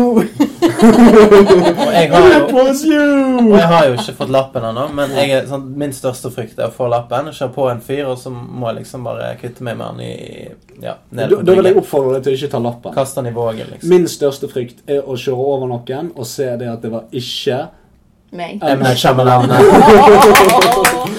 OK. Det kunne være meg eller M. Night. Du, hallo, jeg vil ikke kjøre over deg. Du, Hvem eh, skulle vært du kjørte forbi meg, og så fucket du til meg. Jeg blir skikkelig lei meg. det, det er helt rett. Jeg syns det er kjempegøy.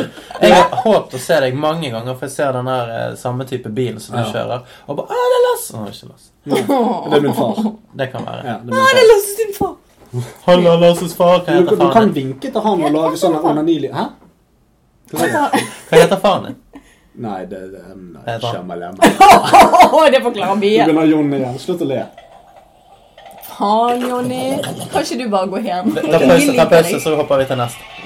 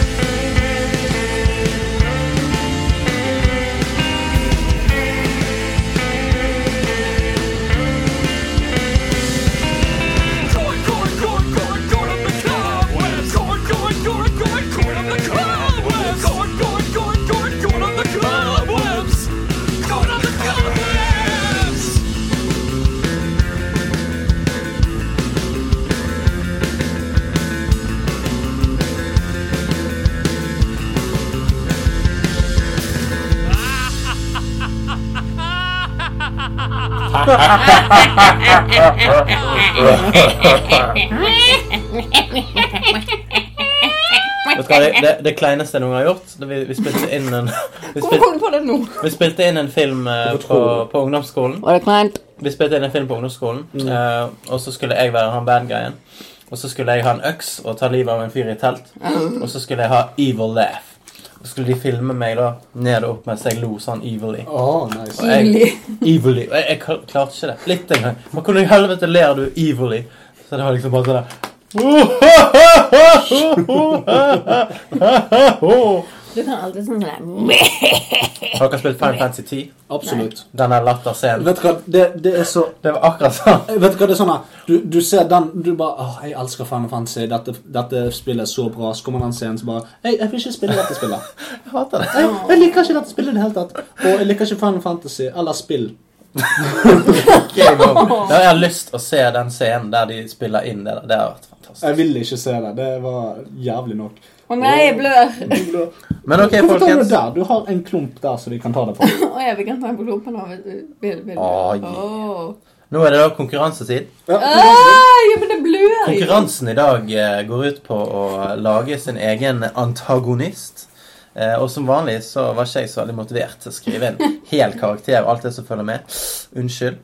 Istedenfor så har jeg funnet ti ting som utgjør en god antagonist. Så kan vi se om eh, våre vakre medpodkastere sine Ja. antagonister har noen av disse egenskapene. Det hadde jeg helt sikkert Men ikke. det, det bare, bare, Da må jeg bare si en ting. Eh, du eh, har ikke gjort oppgaven, så du får være dommer i dag. Egentlig skulle vi ha dette som en avstemning på Facebook, men du får bare bli dommer. Vi får bare bli dumme. Eh, så får du straffe den som taper. Jeg skal gjøre det. Ja.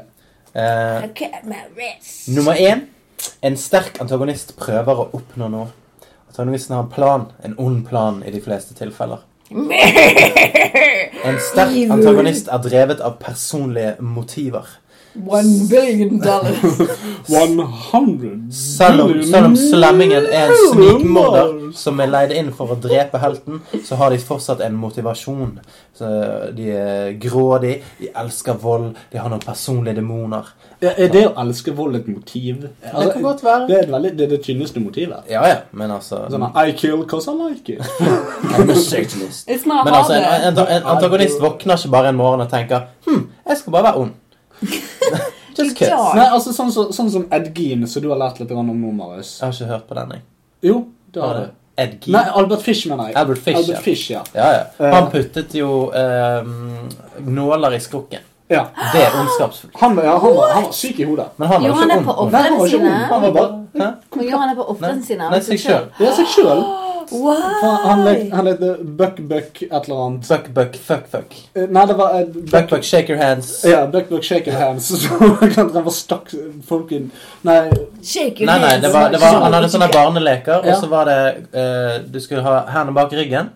Og når du da sa buck, buck, shake your hands Det er ikke det det het, men noe nei. sånt. Ja, noe sånt. Eh, og så tok barna da frem så mange fingre de ønsket uh, at fingrene skulle inneholde. Ja. Hånd, whatever. Ja, ja. Og så sa han OK, du tok syv, ja. Da skal du slå meg syv ganger på rumpen. ja. Det var Men, men. Ja. ja, men ungene, ungene ville ikke leke lenger når han ville uh, stikke blyantspisser ned i neglebåndet deres. Nei, sitt eget. Ja, ja, det stemmer. Det var sitt, han ville, Han, var, han ville bare torturere seg sjøl. Ja, det stemmer. Unnskyld. Så igjen alle har noe de drives av. Se her nå. Ser ut som mensen. Det er altfor mye sånn fake blod. En sterk antagonist er motivert til å drive handlingen fremover. Det vil si at eh, jo mer eh, plausibelt du gjør motivene hans, jo bedre blir historien. Sant? Ikke bare 'jeg er ond og slem'. Jeg Det er ikke alltid fungerer. En sterk antagonist prøver er å Sorry. En sterk antagonist prøver å unngå noe. Det er noe han prøver å unngå i, i serien. Bare fordi at han ikke klarer det, betyr ikke det at han bare ikke klarer å drepe good guyen. Han har også konsekvenser for hvorfor han ikke gjør det. Eh, en sterk antagonist prøver å oppnå noe. Sant? Altså, hva, hva er det som gjør han glad? Altså, det, bare det å gjøre, være ond er jo ikke nødvendigvis det som gjør de glad. Hvorfor blir de glad? En sterk antagonist er villig til å endre seg.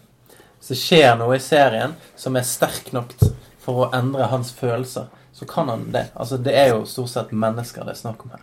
De har også følelser. Men tar du utgangspunkt i at en serie nå? Hva som helst. Bok, Ja. serie, okay. real life, whatever. Okay. Bled. En sterk antagonist er overbevisende. For ikke å gjøre at det blir en klisjé, så må du gi de gode egenskaper, og ikke bare onde egenskaper. Ah. Som gjør at de blir interessant, og gir de litt sånn menneskelighet. Sånn at du kan ha litt Du kan ha en connection. En connection, selv med the bad guy. Som for eksempel Sephiroth fra Final Fantasy 7. Åh, Ja. Du får litt medlidenhet. Du Du bare får sånn, oh, du er så fucked, men jeg skjønner hvorfor du gjør det. Ja, og egentlig så har du veldig fint hår, så jeg syns You're so sick. Det var det jeg tenkte. Jeg, jeg, altså Den fineste scenen i Final Fantasy 7 Det er når han har drept og brent ned hele den landsbyen. Det lå jeg og grå, gråt og gråt. og ja, ja. Og når han stabber Eric i ryggen, Ja. han flyger ned fra toppen der Da lo jeg. Det tre Det, det var liksom the funny moment. Lasse, Ja. vi må snakke sammen.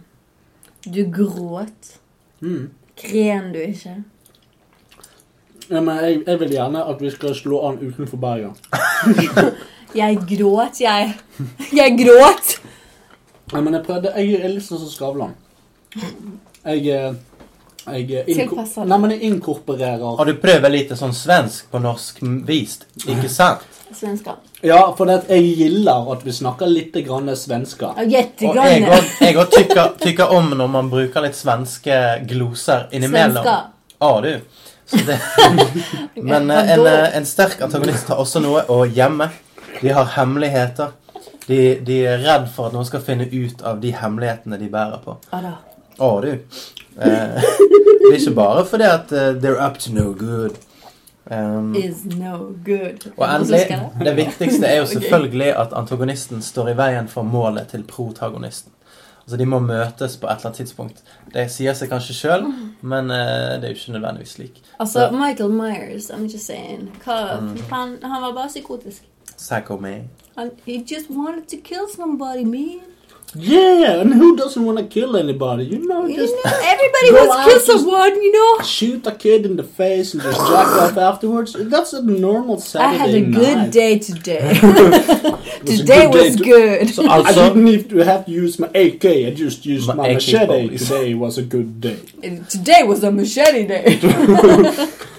I'm sorry. It's okay. I was up to no good. Stop Stomach trouble trouble in my neighborhood. One little fat Nei, men- mama men- scared, and Mr. Johnny came here. Å nei, Jonny, vær så snill. Så på et eller annet tidspunkt På et eller annet tidspunkt så må altså protagonisten og antagonisten møte hverandre face to face for å utøve den episke kampen som da avslutter historien. Om det er en protagonist. Om det er en. Ja, det trenger nødvendigvis ikke være det. Det kan være uskyldige ofre. Altså, protagonisten kan være antagonisten i spesifikke tilfeller. Men det kan, også være, det kan også være en antagonist som ikke er en person. Sånn Det. som i FD, som de kule kaller det, eller Final Destination. True. The world is against you. Yes, the You're gonna universe is die. out to get you, motherfucker. Så med det i mente så skal vi høre på de vakre antagonistene som Skal våre vi ha en, to, tre? Du kan få begynne. Å, ja. Damene først. Ja, Eller men- ja, Age men- before beauty. Jeg bare lå den der. Åh. Ja, ikke se på deg. Og straffen i dag er at man skal kjøre en halvliter blod inn i øret. Nei, hva faen? Hvorfor øret? Kan ikke ta navlen? Ok, da. Hæ? Navlen? Ja, ok. Straffen i dag er at. Straffen i dag Det Det Nei, nei, nei, jeg har det, jeg har det. det. Straffen i dag er at man skal ta vinshot fra navlen til motstander. Nei, takk. Nei. Kanskje vi har det gøy, da? Navler er jævlig ekkelt. Ja, jeg finner på noe. Ja, gjør det. Ok, min eh, antagonist er da Kristoff eh, Kleiner, aka Koppus Katastrofus. Så du er rett i Dr. Proctors prompepulver? Nei da, dette er seriøst. Koppus er lang, smal og tynn. Hvis du ser for deg The Crooked Man eller Slender Man. Litt sånn den typen. Han har lengre armer og bein enn hva som er normalt. Du, jeg må bare stoppe det der. For det at, eh, altså, sorry, dette er jævlig uproft av meg. Uh, men dette skjer I'm gonna let you finish. Ja, men det, dette skjer hver gang vi går inn i en spalte. Det er det at jeg glemmer at Å ja, men jeg vil at vi skal ha et par regler for denne spalten. Ok, Uh, sånn at når du er ferdig, så syns jeg vi skal få lov til å stille deg spørsmål som yeah, du må svare på. Yeah, sant? ja. Men det vil jeg at litt lytterne enough. skal få vite. Ok, ja, ok. Go ahead. Så han, er, han, er, han har lengre armer og bein enn hva som er normalt. Eh, leddene hans er bøyd, som gjør at han går som en edderkopp på alle fire.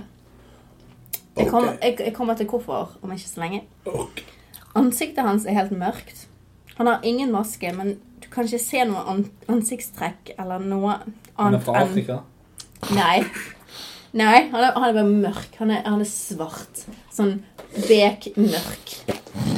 Afrika. Du kan ikke se noen ansiktstrekk på han. Han har egentlig bare noen øyne.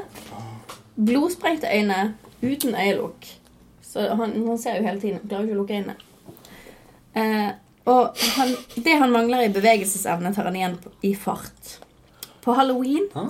den mørkeste dagen i året, kommer han frem fra sitt skjul for å ta hevn på de som forbannet han. Og han har alltid vært annerledes aleine. Han ønsker å finne likeverdige, og vil da skape de, for det er ingen andre som han. Eh, og da Ofte så knekker han leddene på ofrene sine for å gjøre de litt, litt, litt, litt mer lik han. Ikke bare fingrene, men vi alle ledd. Alle ledd, Marius. Eh, sånn at de skal bli litt mer lik hans egen kropp. Han bestemmer seg derfor for et offer, kryper etter dem i en utrolig fart, for han spidder de eh, ofte med sine forvokste negler, for han tar jo ikke vare på dem. Så du får eh, mye lenger enn det. Du får disse runde, du vet de altfor langre, som Guinness rekordbok-neglene, bare at de er veldig, veldig spisse.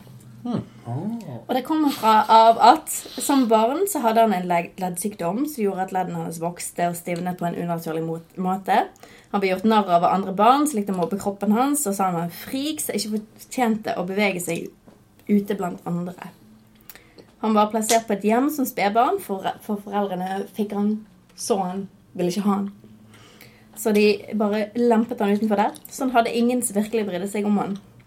Han ble da med tiden vant med sin forvrengte kropp, og tok tilflukt inni veggene på barnehjemmet når han ble for, for voksen til å være der og måtte ut sitt eget liv. Men han var ikke komfortabel med det. Så jeg gikk inn i veggene. Ja, Og der er det ganske trangt. naturlig nok. Eh, han kryper rundt i trange, smale ganger. Og dermed så vokser kroppen hans deretter, for den er jo ikke ferdig vokset ut. Ok, så han Så tilpasser han, seg han blir livet mer og mer edderkopp, da. Eh, AKA Koppus eh, katastrofus. og ja, han bare blir der i mørket, observerer, ser på alle disse barna, tenker igjennom Å ja, de er like stygge som de var da jeg var liten, og mobber folk, og Så han vil ta igjen på grunn av det, da. Og filmene han spiller i, heter Knask og knep. Refer re refererer da til hans måte å knekke og forme de på etter han sjøl. Det er så langt laget to filmer.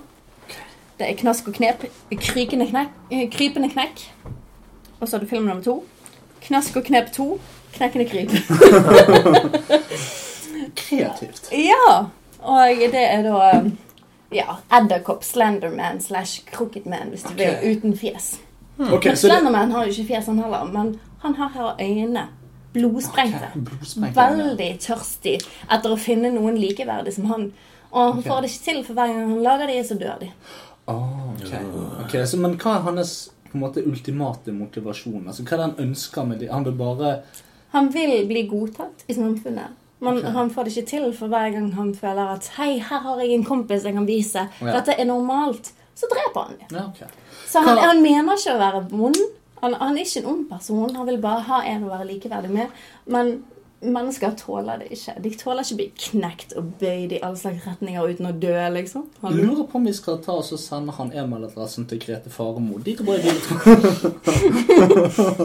altså, hvis hun holder ut, så kan jo hun bli et eh, Ja, en veldig fin uh, make Ja, for han.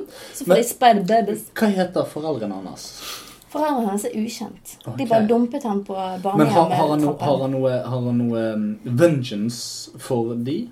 Har, altså, jeg Ikke, ikke foreldrene. Han har aldri kjent dem. Han har aldri visst hvem de så han, var. altså, han har på en måte bare tatt avstand fra at de Ja. dumpet han? Familien hans har vært eh, eh, barnehjemmet. Som da er vennene hans, som ikke er vennene hans. For de aksepterer han ikke for det han ser rar ut. Hvordan, Og de som jobber der, de er også litt sånn Du er litt ekkel, så vi vil være minst mulig med deg. ja, jeg skjønner. Men uh, hvilke type klær går han med? Uh, han liker mest eh, svart, koksgrå, Ja. hvis du vil. Hvit har han aldri følt seg komfortabel i. altså Du kan se litt igjennom, jeg skjønner han veldig godt. Men har han en skredder? Altså, Han har jo veldig rar kroppsfasong. så- Nei, han lager sine egne eh, klær, for han, han har jo disse neglene. sant? Han Så får jo der, der er handymannen magisk. du trenger, Marius. Altså negler lange, Cactus, eh, Nei, Kristoff eh, Kleiner. Nei,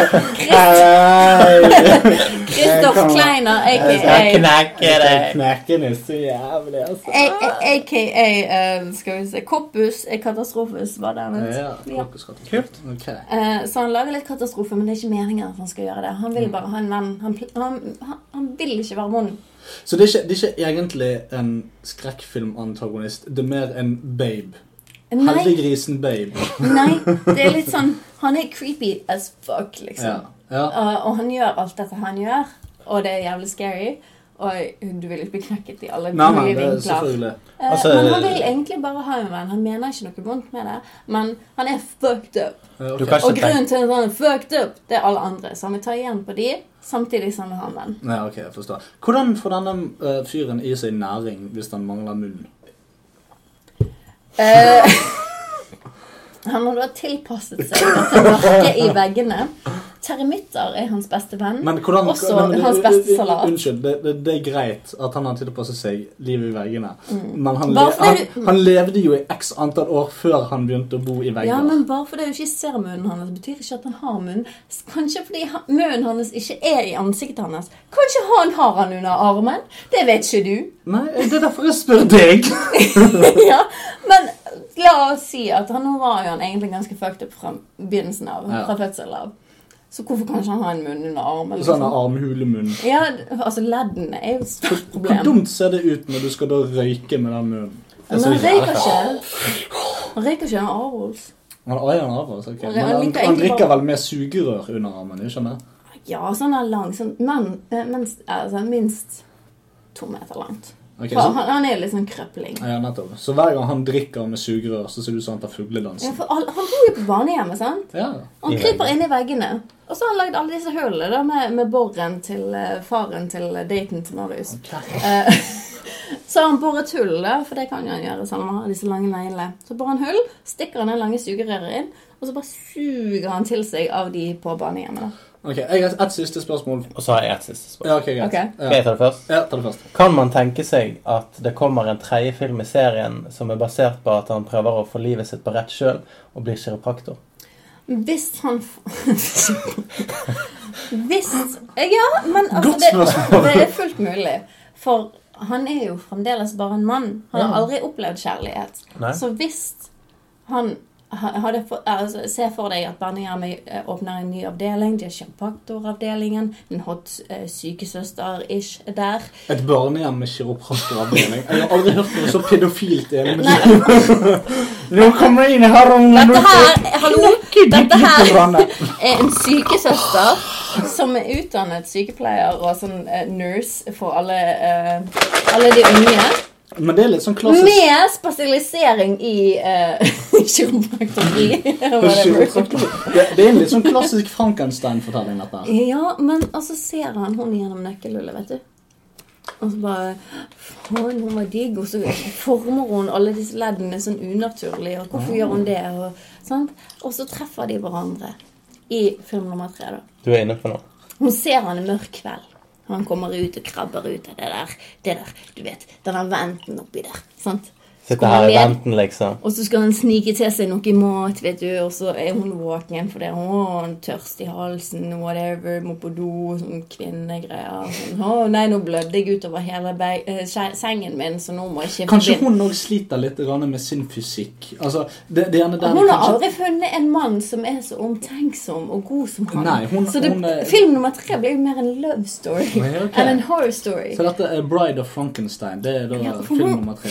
Hun vil hjelpe han, og han Ja. forstår hun, men han kan ikke snakke, for den er under armen. Ja, nettopp, ja. Okay. Så han har litt problemer med det. Han har ikke gjort det på mange, mange Så det er veldig awkward dialog Det mellom de to. Der han står og holder så- armen opp i luften. Ja. Så knekker hun ene skulderen hans, vet du, og da bare This is love.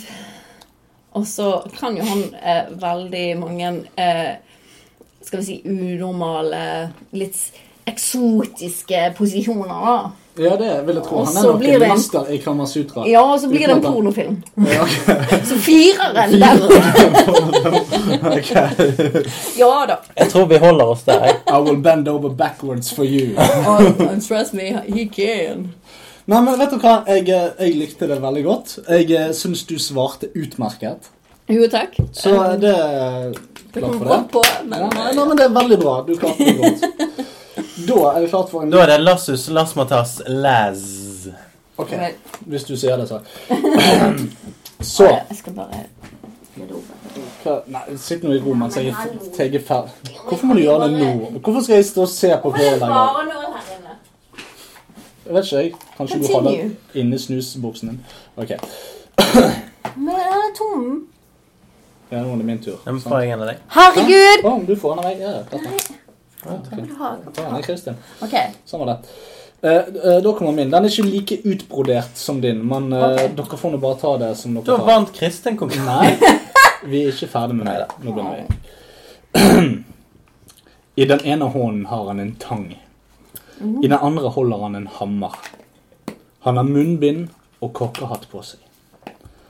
Hans virkelige navn var Preben Fostervold, og er historiens eneste overlevende etter den store abortbrannen i Munsterby utenfor Blåvann camping.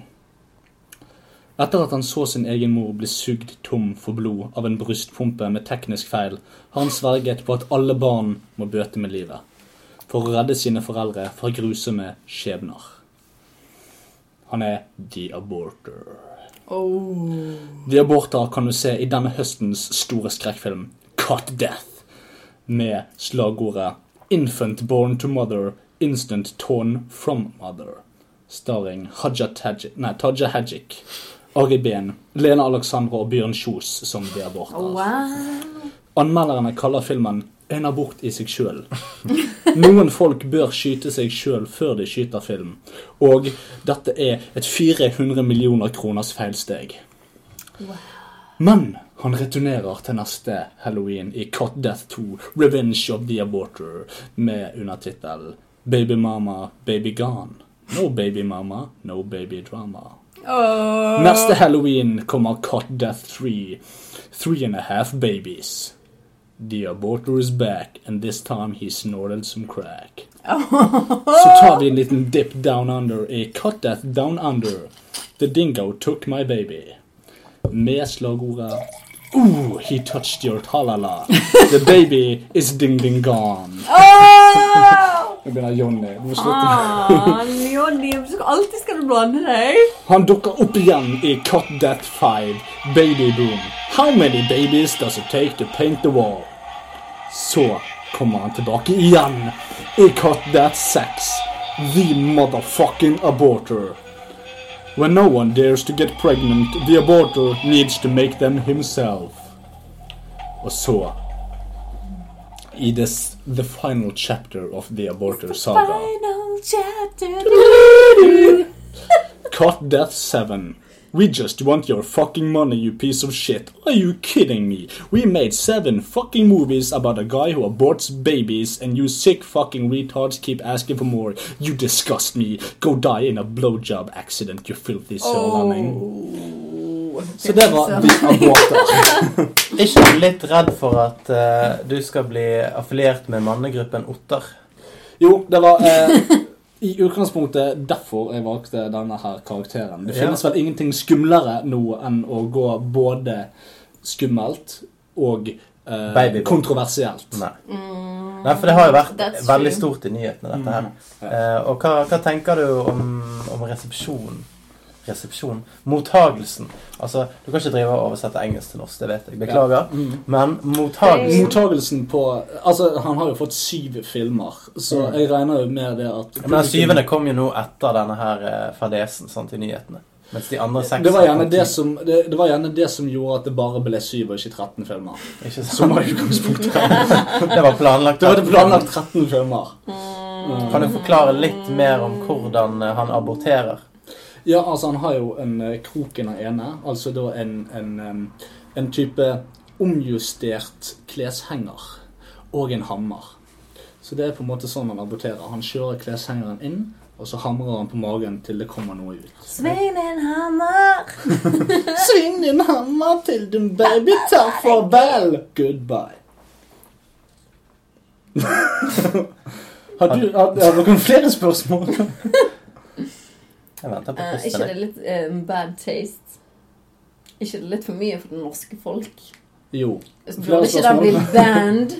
Sånn som A Serbian Movie, liksom? Men a Ikke Serbian litt for grov? Nei, for det er a Serbian movie Altså, For å si det sånn, han går ikke løs på babyer. Han går løs på uh, gravide kvinner. Og Ufødte barn. Ja. Men det er jo Og det er noe det er, noe vi, det er noe veldig mange kvinner sliter med. Det er abort. Og dette her er på en måte en, en formasking av kvinners frykt Altså, er når det- det kommer til abort. Er det egentlig en public service? Det er egentlig en public service. Det er, det er, det er en skremselspropaganda. Ikke for eller mot noe, men for å heve på en måte den, den sosiale bevisstheten rundt det å ta abort. Liker det. liker det. Ja. Nei, men Da syns jeg vi skal ta et par minutter og fundere på, eh, på de to forskjellige karakterene her. Ja, Og så slenger du inn litt uh, Jeopardy-musikk. Ja, Dessverre så får ikke publikum så mye tid til å tenke på det. For det at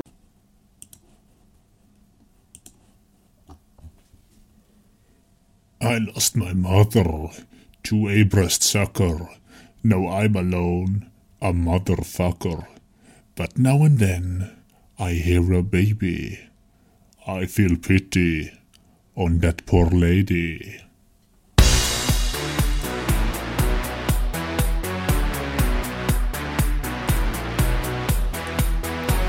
I don't have kids. No, I don't like them.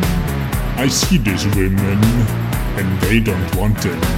So I grab my hammer and my trusty hook And then what happens? You don't want to look. A menace. Yes, people fear me. I don't understand. I just set them free. Why have an infant sucking on your tits? When you can suck my dick,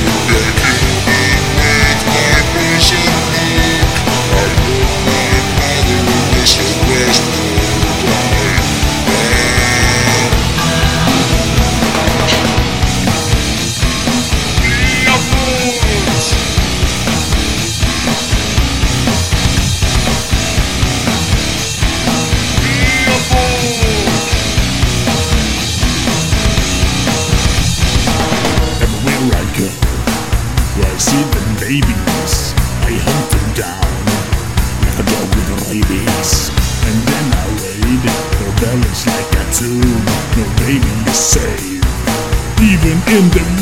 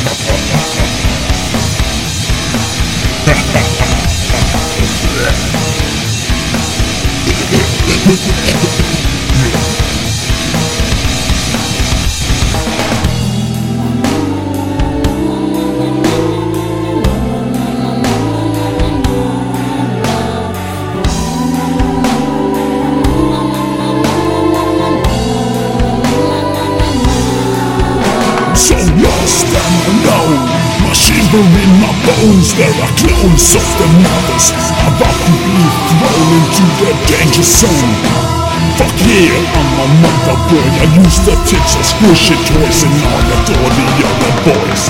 Stop looking at my mother, motherfucker, mother, I love you.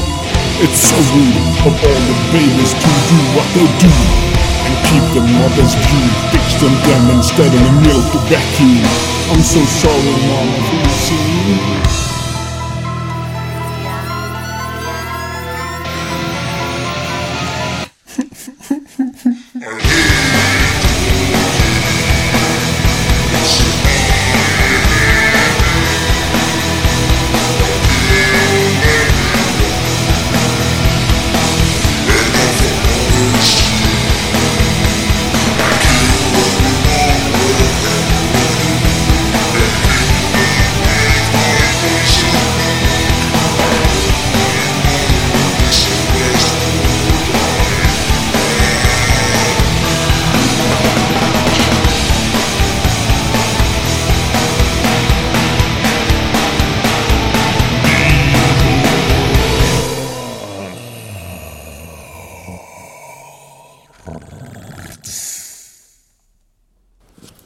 Velkommen tilbake igjen.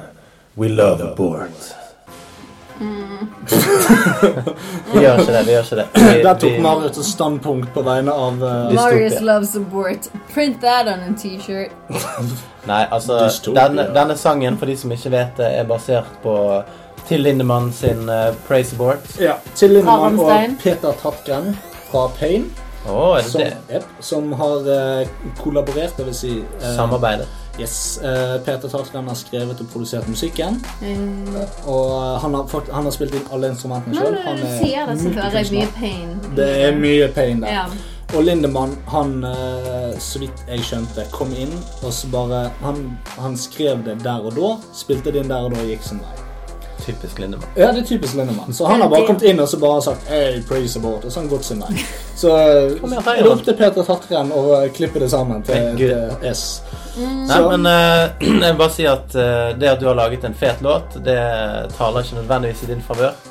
Jeg vil, jeg, vil, jeg vil utelate den fra min uh, Det syns jeg du skal gjøre, men jeg bare du syntes den passet inn. Det gjorde den veldig.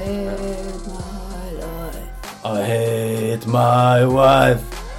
Videre. And her boyfriend too. Ja, sant. Det, det er en fucket sak. Men eh, jo, eh, begge karakterene hadde sin sjarm. Jeg følte faktisk begge hadde mye av det vi snakket om eh, innledningsvis. Det det er det ene med deg i. Det var veldig utfylla fra begge to. Jeg var litt redd, men jeg er ikke det mye lenger nå. Nei, du er ikke det mye lenger nå. Jeg er ikke det mye lenger. Kristin har fått i seg to glass vin, så nå begynner hun å Han har sutte. drukket en hel flaske. flaske. Han er 12,5 Kanskje dere bare spille med Det var en er gøy. ok, greit. Kåren din, da?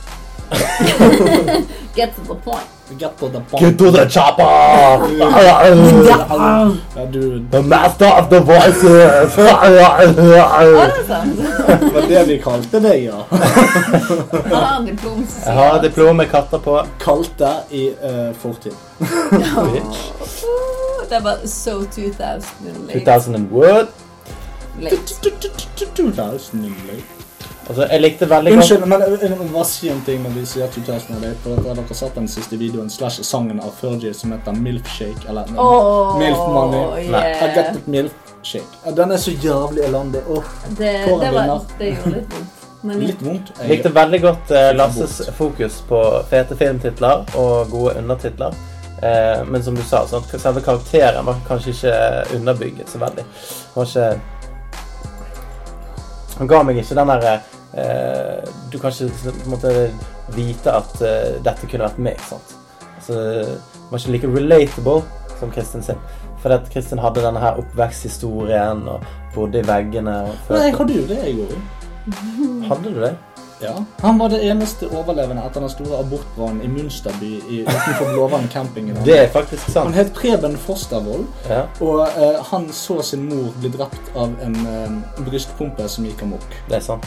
Eh, så han, han, han opplevde en tragedie. Han hadde, Han hadde traumer. Han hadde traumer, og han hadde en identitet. eh, og han var en overlevende. Og han gikk kun Nå skal jeg lukke øynene i tre sekunder. Ja. Skal jeg se for meg karakterene. Og så skal jeg ta et valg basert på det. min har ikke munn eller nese. Min har det. Han er mye mer relatable når det gjelder fysiske tilsnitt. Han er mye mer scary enn din. Eh, hvem Han er bare mørk. ville jeg vært mer redd for en fyr uh, som ser rar ut, eller en fyr som faktisk kommer etter meg med krok og hammer? Han har ikke øyelokk. Og har du sett neglene hans? Nei, De men Det er ikke ofte du ser øyelokkene på en fyr med åpne øyne. Han står på fire bein, skikkelig crooked. Og han som en fisk. Han, nei, min er som en edderkopp, bare at han mangler fire bein. Ok, Så du har Spiderman, bare den, den, den skeive fetteren til Spiderman. Uten fjes. Uten fjes. Bare uh, uten øyne. Ok, Så det er ikke Spiderman, det er Man-Spider. Han vil ha deg. Han vil ta deg, men så hvis han tar deg, så treffer han deg. Og så bare oh, I fucked up again. No, you fucked up! Okay. Nei, dagens vinner, eh, basert på at vi har dårlig tid, det er Kristoffer Chris Krass Kristoffersson Kristin. Eh, Fordi hun svarte veldig godt på spørsmålene vi hadde. Takk, takk, takk. Jeg synes det var ganske bra. that shit. Og Ja, men eh, vet du hva jeg skal fortelle deg hvorfor? Ja. Fordi at vi stilte noen spørsmål. gode spørsmål. Dere stilte meg ingen spørsmål. Hei. Nei, kanskje Hei. det var for lite dybde å stille spørsmål på. Kanskje. Det vil vi aldri vite. Nei. Poenget er, Lasse Poenget er André Mann. Jeg vil ikke si Jeg vil ikke gå med på at jeg taper fordi at dere ikke gjorde jobben deres. Nei, men sånn er det nå en gang. Ja, ja, Altså, hvis du uh, uh, ser for deg en abortmann Ser du for deg en, et menneske som er formet som et edderkopp, som er jævlig rask og deformert. Uten fjes. Straffen til Lasse yes! er at uh, han må sove med Jonny mellom seg og fruen i hele natt. Og dokumentere. Straffen blir, straffen blir da at fruen ligger på sofaen. Det er greit. Det er straffen. Eh, vi- vi kan gjerne få et bildebevis på at det har skjedd. Eh, du, trenger selvfølgelig, du kan selvfølgelig jukse det til det, men eh, Hei! Hvordan gikk det med dagboken din? Ja, nei eh, Vet du hva? Denne podkasten er notorisk kjent for at vi følger ikke opp på straffen vår whatsoever. Eller ting vi Jo, vi har gjort det flere ganger. Bucket Challenge. Satan Ice Bucket Challenge. Det Det er sant. Eh, Lash Lady. Det gjorde vi. Å ja. Når var det, da? Var det episoden etterpå, eller var det året etterpå? Det var kanskje året etterpå. Ja, Det var Men etter det at har- jeg hadde pushet Kristin til å gjøre det. Men det. skjedde. Mm, det, it happened though. Eh, nå, vi lagde en meme. Ja, det gjorde Det sykt fett meme. Eh, Det må folk begynne å dele, forresten. Den. Det, det, det er en kjempebra meme. Det er jo Det det. er det. Var sa noen, Det var noen som sa til meg at jeg hadde prøvd å dele den på Reddit. Men han ble, jo, det var Gustav. Gustav sa han hadde prøvd å dele den på Reddit, og så ble han nedstemt ganske så fort. Jeg gjorde det. Han gjorde det. Hvilken av de han har brukt en av de våre? Uh, ja. En av de første du la ut, var det Eh, jeg for han syntes at det var jævlig morsomt. Det var det. Uh, og så syntes ingen annen. Men kanskje det er podcastens uh, liv for øyeblikk. Sant? Vi, må, er- vi må bare jobbe. Altså, Det er vi må det er ingen som lykkes over natten. Hvis vi holder på med dette her, fire år, fem år, seks år, ti år, whatever, Whatever. plutselig så slår vi igjennom. La, la meg bare få si noe før jeg glemmer det. For at, Egentlig så skulle vi avslutte det med at jeg plugger en del ting, men la meg bare gjøre det nå. Eh, Så går vi videre til det som på en måte blir hovedspalten vår. Og det er det at eh, lik oss på Facebook, del oss på Facebook. Yeah. Eh, eh, lik oss, følg oss på Twitter på Soundcloud. DystopiaCast. Eh, Soundcloud det er der vi legger ut episodene våre. Men på nesten alle podkasttjenester kan dere abonnere på oss. Um, Pocketcast og eh, iTunes. Kan vi komme oss inn på Stitcher? Det er det Eh, jeg ja, jeg, jeg, jeg, jeg jobber med det. Jeg skal komme meg inn på Stitcher. Uh, jeg har nå fått en Samsung, og jeg bruker noe som heter Pocketcast, og der er vi. Kult. Um, og uh, det som er veldig viktig for oss, er at dere um, anmelder og uh, gir oss stjerner på iTunes.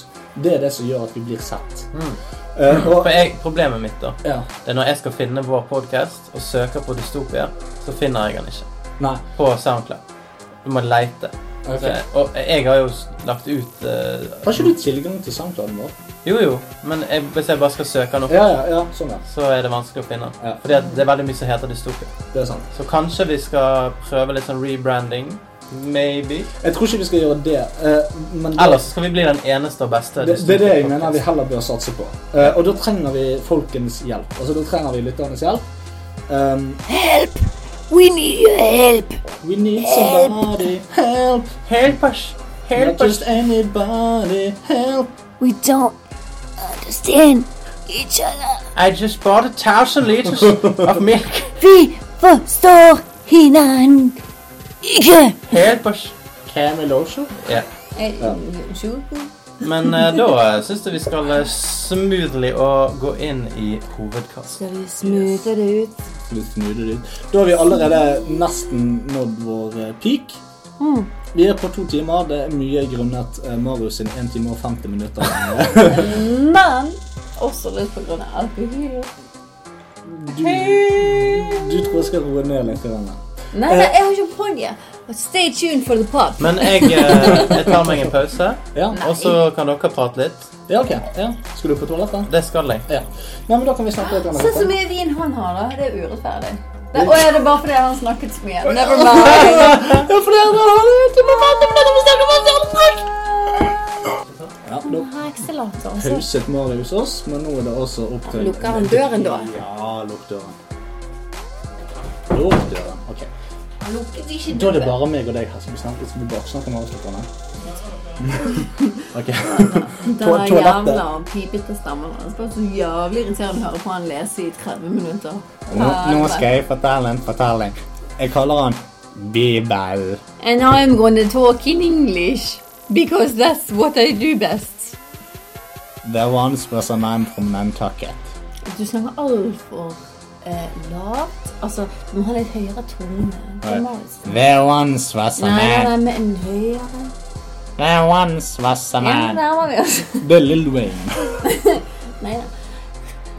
Det var en gang en mann som sa at eh, jeg, jeg var Marius' stemme. Men, Men så Kristin, tør de Kristin. ikke stemmen å snakke lenger. Kristin, det er feil. For det, at det, vi, det vi lærte om våre stemmer, er at du har diskanten, Marius har bassen, og jeg eh, ligger i sjiktet mellom. Marius er sånn i stemmeskifte. Ok, dette var ikke baksnakken, dette var bare tull. Eh, ja, det var det. Det Skal jeg hente champagnen? Kanskje det blir mer eh, Jeg kan ikke sitte her alene. Du er nødt til å vente til Marius er tilbake, så kan jeg snakke med Kanskje Marius om Marius hente henter champagne med nå? Jo, Marius kan hente champagnen. Nas. Marius, skal du la være litt og høre litt på oss? Det gøyeste er det at vi kan faktisk se inn på at han tisser gjennom et nøkkelhull i døren her på soverommet. Det, vet du hva det, det tilsier at vi må ha? Hva da? Champagne? Ja. Og Japp-Steam-låten til reklamen. Skal.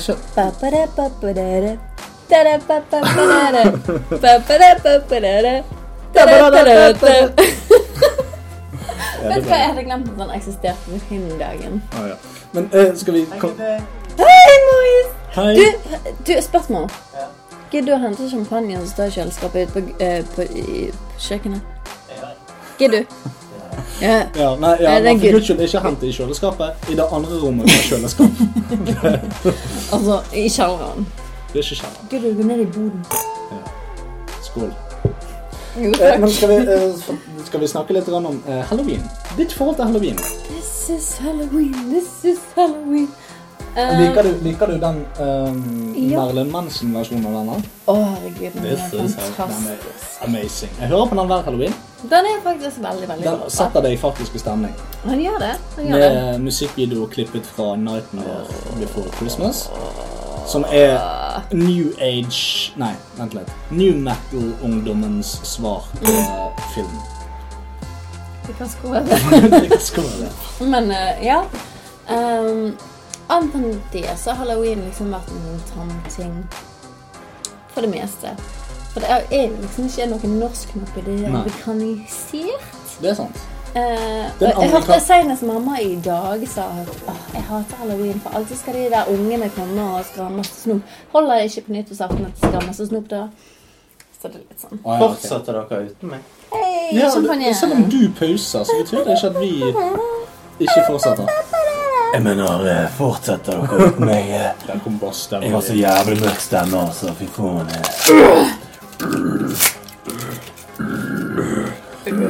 Vet du hva? Nei. Vi burde hatt en eh, sånn her uh, growling-konkurranse. Åh, Hvem tror du vinner? Nei, Ingen av oss. Tror du ingen jeg av oss vinner. Jeg vinner. Stemmene våre taper. Nei, det tror jeg ikke.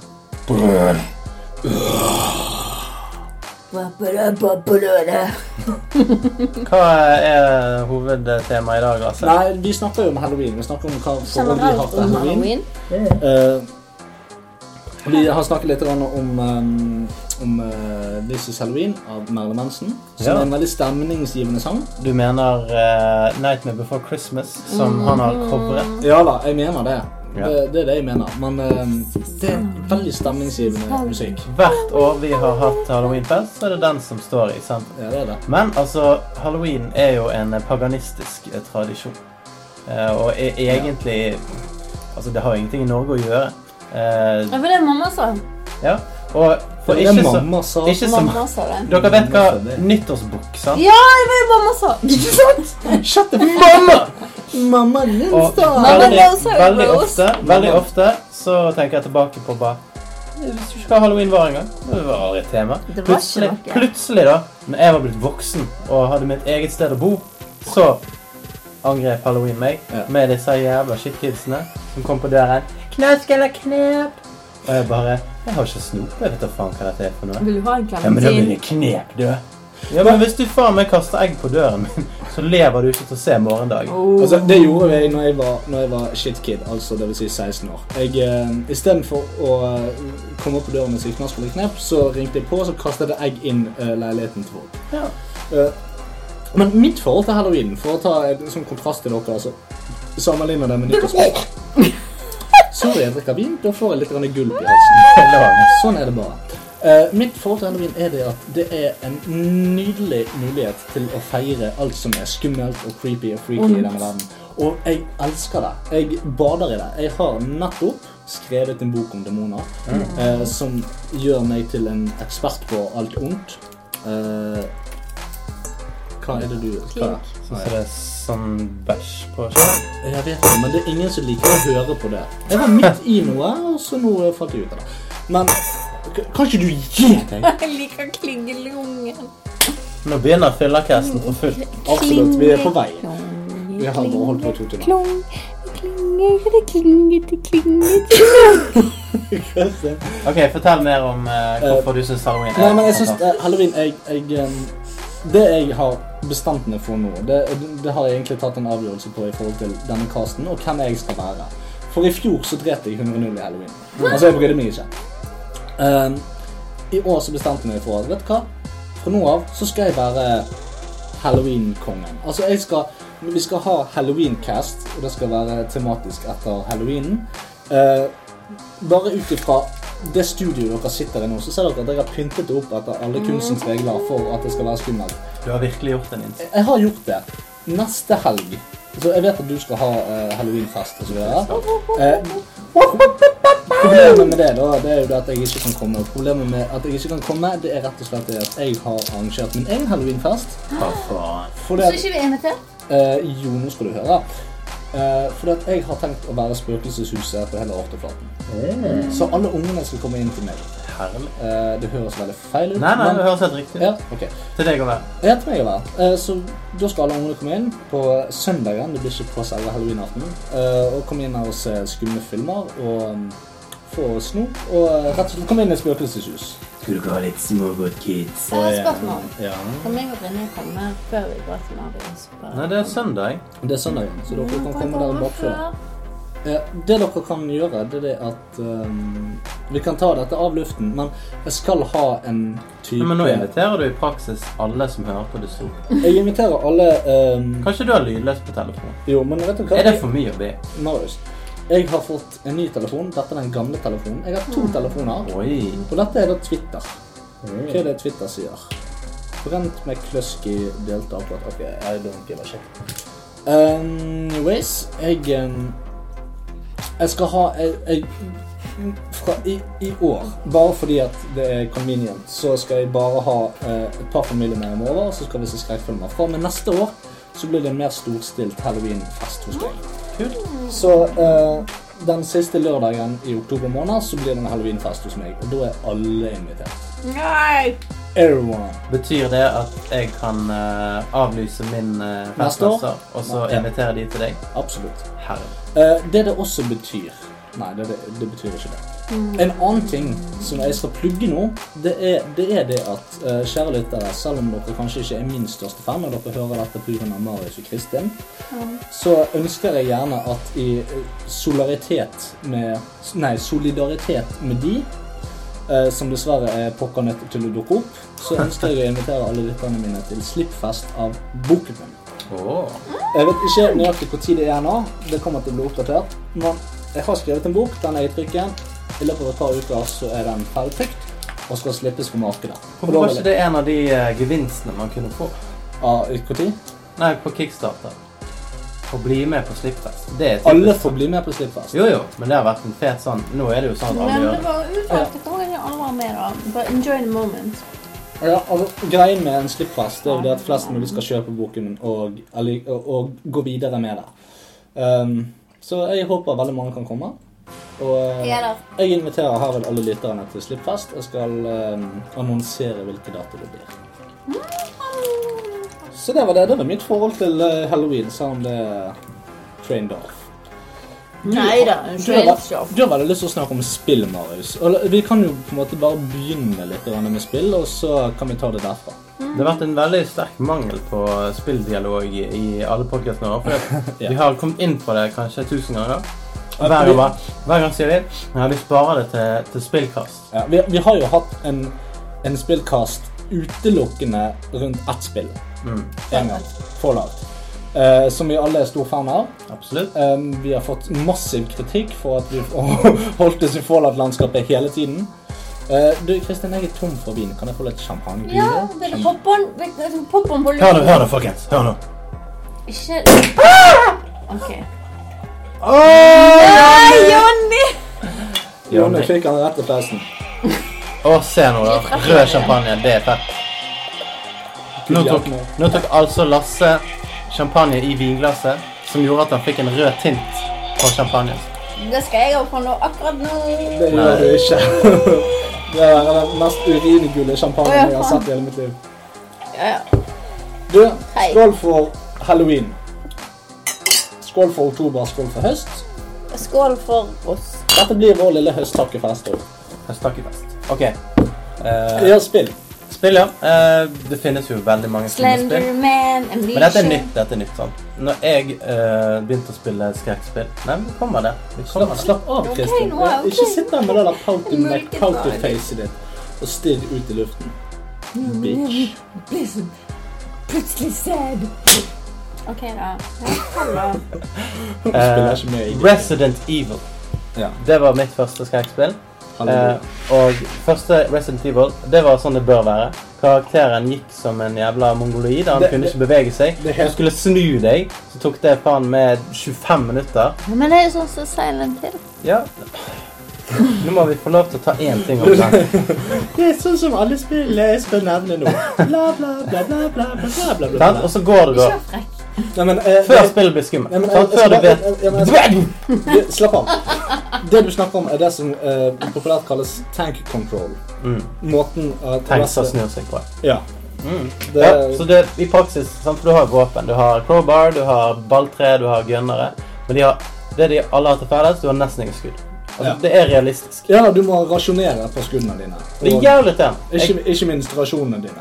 Ikke minst rasjonen. Ja. Og du, du, du er en herbalist. eh, Du driver og, driver blander forskjellig dop for å få noen gode planter som du kan ta i deg for å klare å overleve Blue plants. Blue plants, red plants, green plants. Altså alt mulig greier. Ja. Men det som var skumlest i Resident Evil for meg, det var før Alle første, dørene du må igjen. første, første skrekkscenen i Resident Evil. Det at du ikke egentlig vet hvorfor du er der. Ja. Eh, T-virus har spredd seg, det vet du. Umbrella Corp er litt sånn rundt omkring. Og så går du i en mørk, eh, tom eh, gang Ja. med litt sånne boarded up vinduer. Forskjellige typer treverk som er på veggene. Og så bare rusler du nedover der og tenker at ja, ja, det kan, hva er det verste som kan skje? Så bare bah! Ja. Så kommer det zombiearmer ut fra det treverket. Og det er det nærmeste jeg har vært. Bare slippe kontrollen, bare gå ut av rommet og bare Nei, skal ikke spille. Jeg, jeg, eh, jeg fikk aldri spilt den originale Resident Evil. Jeg har spilt remaken av eh, den originale. Det er jo eh, mye det samme, bare bedre grafikk. Um, men det første skrekkspillet jeg spilte, det var Resident Evil-serien, og det var Resident Evil 2. Som jeg synes er det beste Resident Med Evil-spillet. Jill. Med Jill, ja. Og jeg jeg synes det er helt amazing. De snakker om å um, remake det òg. Eller de snakker vel ikke om det, de holder vel på det er vel snart stoppet. Mm. Og det tror jeg blir fantastisk, fordi at de har jo eh, Hva skal du si? De, har, de begynte så bra, men så etter nummer fire så har de bare tradet off så jævlig. Men det er det jeg syns vi er nødt til å gjøre en gang. Det er det å faktisk ha en uh, spillkast der vi spiller et nytt spill. Vi For eksempel Resident Evil. Og kommentere Resident Evil underveis. 7, som ser ekstremt lovende ut. Ja. Det gjør faktisk det. Ja, det ser ja, mm. Og. Resident Evil 6, for eksempel, det er jo et mer et actionspill enn et skrekkspill. Ja, det, det er nærmere Halo enn det Resident Evil. Men det er fortsatt her. Sier halo, halo, halo. Takk for at du kom med dine konstruktive innspill. ja, vi trenger det. Trenger litt eh, color commentary. Trenger litt comic relief. vi trenger litt wildcard, som er ditt kallenavn. Wildcard. Wildcard. Uh, en av de andre tingene jeg hatet med Resident Evil 1, det var hønene. Fordi at spillet er ikke laget for å kunne ta hønene.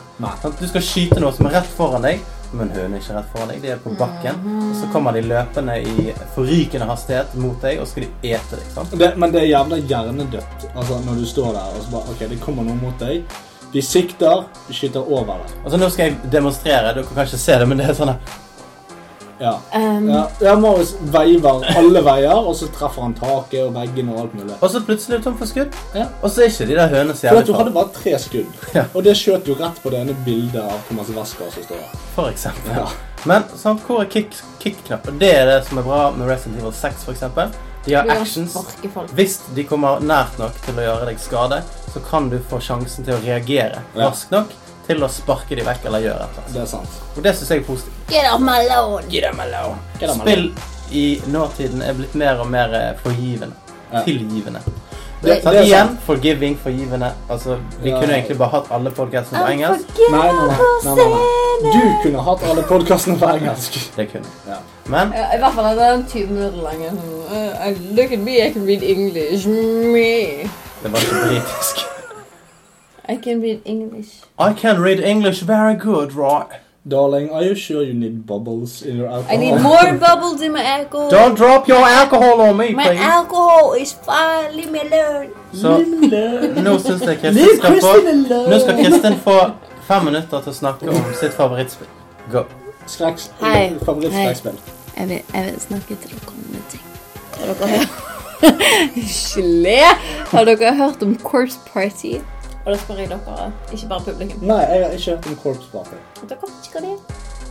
For jeg tenkte det ang angående anmeldelsen, for det var liksom Det kunne være film, det kunne være spill, men så endte jeg opp med The Happening, da, for det var det enkleste å liksom rakke ned på. Og så satt jeg og tenkte på Corpse Party, men jeg er veldig glad i Corpse Party, så da tenkte jeg Jeg vil ikke arrestere det. Men altså, Men- sånn som Lasse arresterte jo en film som han egentlig syntes var OK. Jeg arresterte regissøren for å ha laget alle andre filmer enn den filmen. Ja, altså, du Ja. må ikke Du kan arrestere folk for å ha gjort noe bra. Ja, men da tenkte jeg heller at det passet seg som en anmeldelse. Okay. For jeg er veldig glad i dette spillet. Course Party.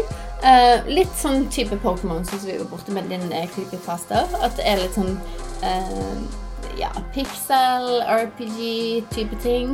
Eh, men historien handler om noen som går på high school. eh, samles etter en eller annen eh, skolefestival. Snakker om creepy horror stories, og så er det en jente med navn Sachiko. Oh, Sachiko. Sachiko. Så de Vi snakker om kjenner en som heter det. som da ble forbannet og er en del av denne spøkelseshistorien. Og rett etter hun ene har fortalt denne spøkelseshistorien, så kommer det et jordskjelv. Og det er såpass svært at gulvet under de faller. Det, det kollapser helt. Og når de faller gjennom det, så faller de inn til en annen dimensjon. Og alle er separerte, og de må finne i- hverandre igjen. Eh, og det som skjer da, er at alle blir fucked up innen den andre dimensjonen.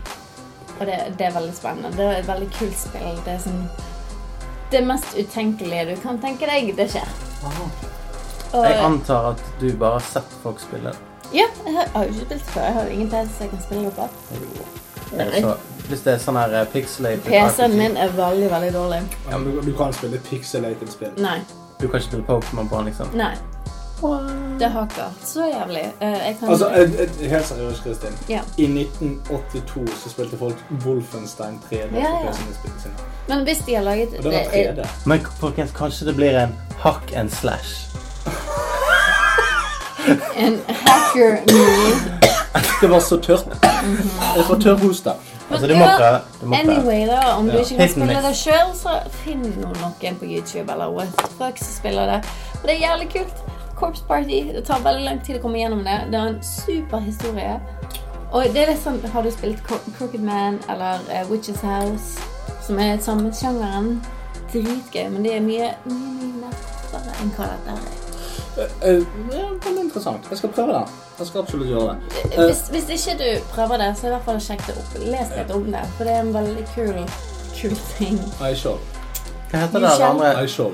I shall. Sundere et eller annet? Ja. Sundere? Sundar. Hva? Sundere. Det er et eller annet spill da, som er sånn her indiespill. Eh, om en sånn high school-jente. Å nei. Jo da. Og det er egentlig aldri released. sant? Det er typisk sånn her green light på Steam. For å vise at uh, dette er til å spille. Og så har de laget sånn 1000 versjoner. Som Hmm. Det er ikke det samme som det, da. Nei, jeg ser ikke det. Nei, jeg, jeg skulle snakke om en spilleserie nå, eller noen spill. Mhm. um, og noe av det skumleste jeg har sett på film uh, når det gjelder skrekkfilmer, sånn som det, det er egentlig disse her japanske skrekkfilmene. Mm. Altså um, UO og Ringu og De er ganske freaky. Ja. Ringu og Juon er ikke så skumle som de originale, Synes jeg. Nei, Juon det er- sier de, de japanske. Han sa jo Det det er originale. Juan er jo den Ja, originale. ja, men liksom Jeg sier det, ikke alle, alle, jeg har snakket- forbannelsen. Ja, Sa. Michelle alle, Gellar. alle, alle de jeg har snakket med, bare sier Oi, den japanske er så sykt mye bedre. Men den er ikke det. Nei, nei. Hva er det du skal Den ha? er ikke det. Den er kjempekjedelig. Har en snausen av deg. Ja, du kan Snap, snap. med meg. Eh, I alle fall, men jeg syns japansk eh, skrekk er ganske freaky. Og eh, et japansk skrekkspill som heter eh, Fatal Frame eller Project Zero. Ja. Det er kult. Det er Ja. jævlig kult og dødsskummelt. Jeg liker konseptet. Ja, jeg er ikke så veldig glad i konseptet, men utførelsen er fantastisk. Konseptet er jo det at en liten jente går inn i et hus, og hun kan kun drepe spøkelser ved hjelp av et kamera. Var det den, ja? Ja, eh, Så konseptet er litt sånn ah, OK, OK, men utførelsen er amazing, og det er altså så jævlig skummelt. Jeg husker jeg har kommet et stykke, ehm, og du går bortover, og alt er laget i, i sånn type sånn jap gammel japansk stil. Sånn Ja, at PlayStation 2. ja, men jo, det er greit nok det, men, men uh, arkitekturen og sånt Ja, ja. i, stedene du går, det er gammeljapansk, så alt er sånn på måte og Det er sånn papirrisdører Ja. Og, og sånne ting som det. sant? Du går gjennom. Det er jævlig kult, for det Ja. kan være sykt scary. Og så, så, så går du, og det har vært stille en god stund, og så hører du barnelatter. Mm. Og det er sånn her, shit, barnelatter, jævlig freaky. Og så ser du bare en haug med små blodige fotspor Mm. på baken. Og det er så jævla freaky, og du setter, altså det får deg i den stemningen der um, umiddelbart. Det, jeg synes det er veldig effektivt spill.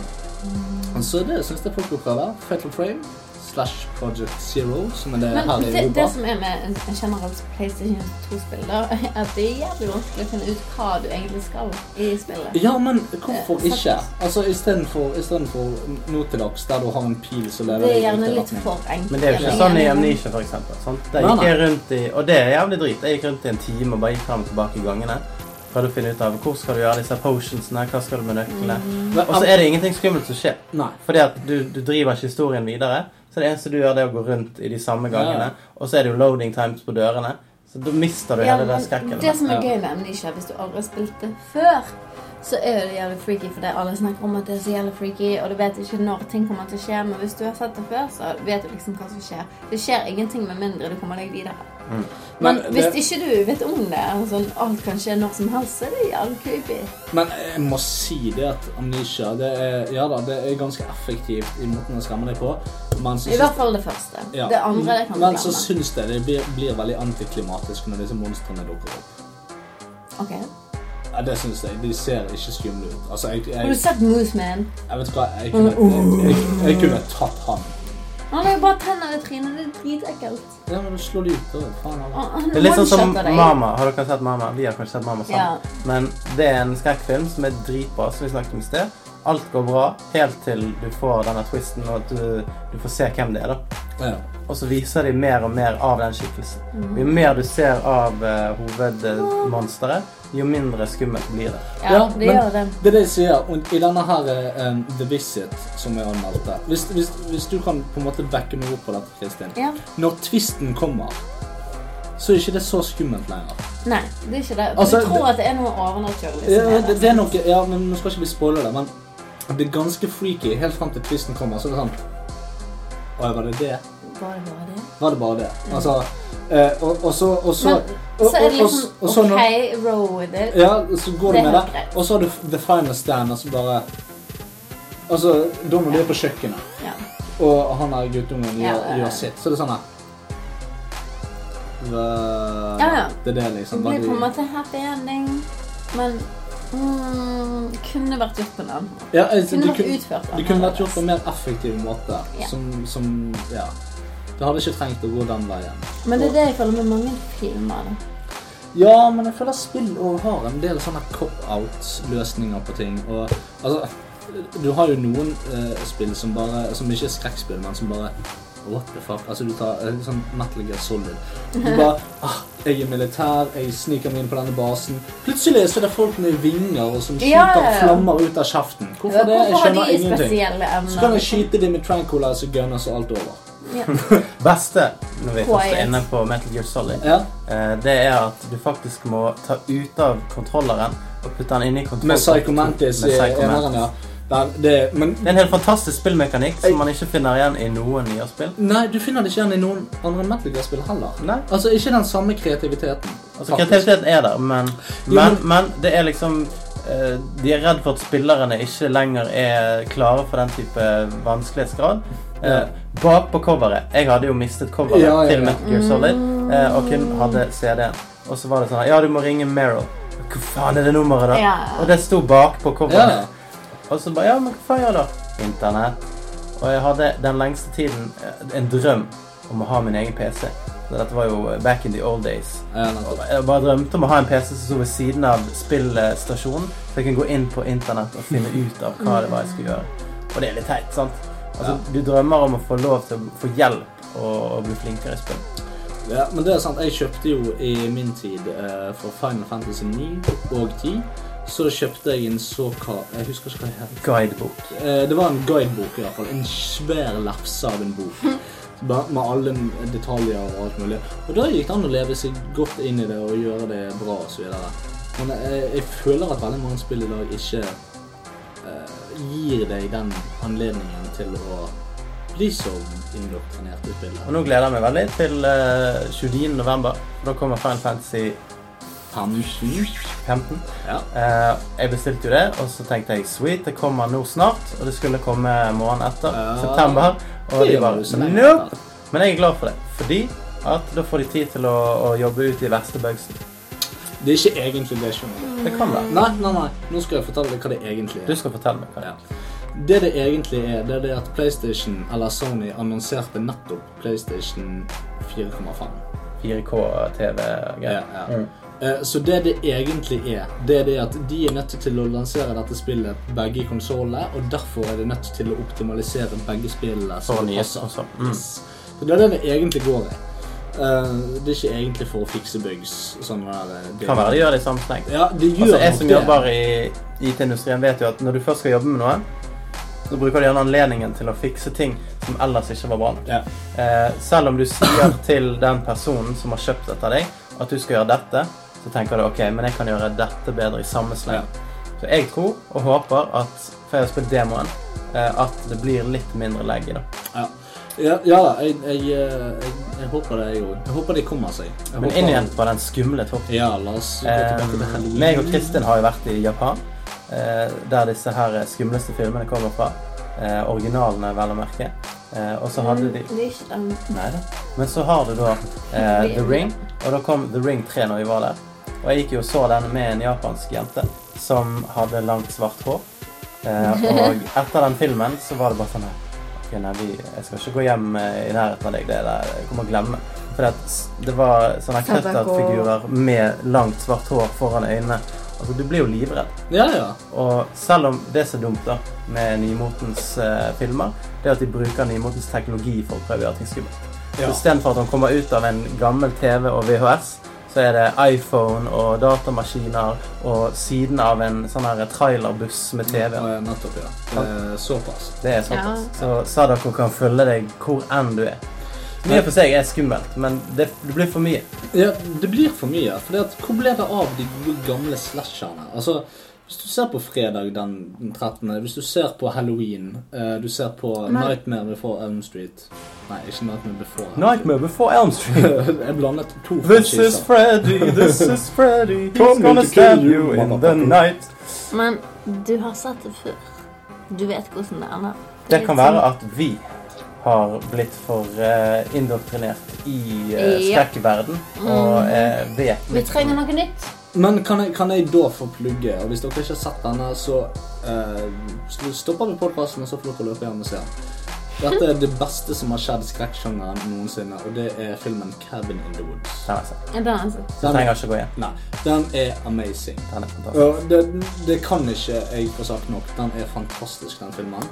Den tar alle skrekkfilmsjangre på kornet, og den kødder med det, og den er bare perfekt på Mm. alle måter. Um, det samme hvis dere ikke har sett klassikeren Evil Dead 2, så vil jeg også anbefale å se den.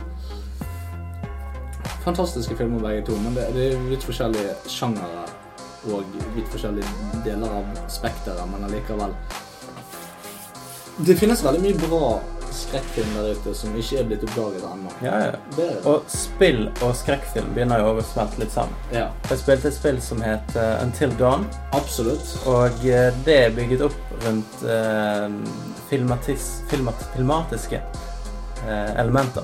At de faktisk har skuespillere i alle scenene, og de har spilt inn eh, faktiske spillscener. Det er vel hun eh, Hayden Panettiere som er Ja.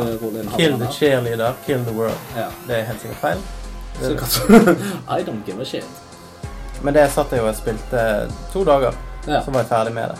Eh, Fordi at det var såpass Du Det dro deg såpass inn at du måtte bare bli ferdig med det. Ja. Og det som er gøy med det, det er at alt du gjør, hver eneste handling du gjør, det har en eh, innflytelse på spill. ja. De endrer spillets utfall. Så du, du har åtte karakterer, Alle kan overleve, alle kan dø. Ja. Jeg, jeg var jo sånn Disse karakterene, de liker jeg ikke.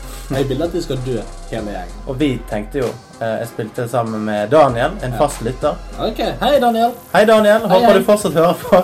Let me suck your dick. All right. All right. Eh, og vi bare All right, all Så right. lenge Hayden overlever, så er vi fornøyd. Og vet du hva? Han var eneste som overlevde. Men Det er vel noenlunde fordi hun kun brukes i et badekar gjennom egentlig hele spillet. Nei, hun er ganske mye med. Og mot slutten der så kan du altså. helt, helt mot slutten, for å spoile hele spillet, spoiler alert, eh, så er du i huset, og så skal du slå av eller på en eh, lysbryter som gjør at eh, huset sprenges, eller noe i den duren. Og hvis hun da får lov til å være den som flikker spry- spryteren, flikker bryteren, så løper hun ut og overlever. Mens Ja. alle de andre. Så det, det gjorde jo selvfølgelig vi. Ja. Eh, og hun overlevde, og så får du litt sånn bakgrunnshistorie, og så får du se eh, hvordan de laget spillet. Ja, ok. Jeg syns det er veldig kult. Nei, eh, men det, jeg syns det er et ganske bra spill. Det er, det er i alle fall nyskapende i forhold til veldig mye av det vi har fått før. Har, har du spilt i noen av dere denne eh, PT? Å, jeg så demoen på det. Personal trainer. Eh, nei, jeg husker ikke hva PT står for. Men, uh, eh, det, den sa jeg det til, ja. Ja. Uh, den var jo fantastisk. Den mm -hmm. trailer slash demo Mhm. slash spillet. Mm. Eh, det så ekstremt lovende ut. Det var jo han um, Hideo Kojima og Ja. eh, Guillermo del Toro som lagde den. ja. Og de skulle lage nytt sang til, men så ble det scrappet fordi at Hideo Kojima skulle ut av Konami. Ja. Eh, men det hadde jo blitt et fantastisk spill. Kan jeg tenke meg. Og han har jo sitt eget filmselskap, og et eh, spillselskap som han har startet opp. Ja, ja. Så muligheten er jo der. Ja, jeg, jeg tror ikke han får hendene på den franchisen så lenge han er ute av Konami, og Konami eier rettighetene til Silent Hill. Mm. Eh, det, det tror jeg ikke, men Man kan jo lage skrekkspill. det, det kan han. Han holder på nå med et eller annet sånt greie med han her um, uh, Reedus Norman Reedus, eller hva han heter. Han er fra Walking Dead. Ja, han er. Ja, de holder på med et eller annet. De driver something. Hæ? Det sier jeg Walking Dead. Mask something. Ja, han som ikke har øyne igjen. Something. Fordi at øyelokkene er blitt for tjukke for fjeset hans. Det er Kristoff Katastrofus. Jeg kjenner at eh, vi blir eh, segen hele gjengen. Vi begynte å bli litt da. Hei, Så jeg tror kanskje vi skal eh, skal jeg fortelle dere en hemmelighet?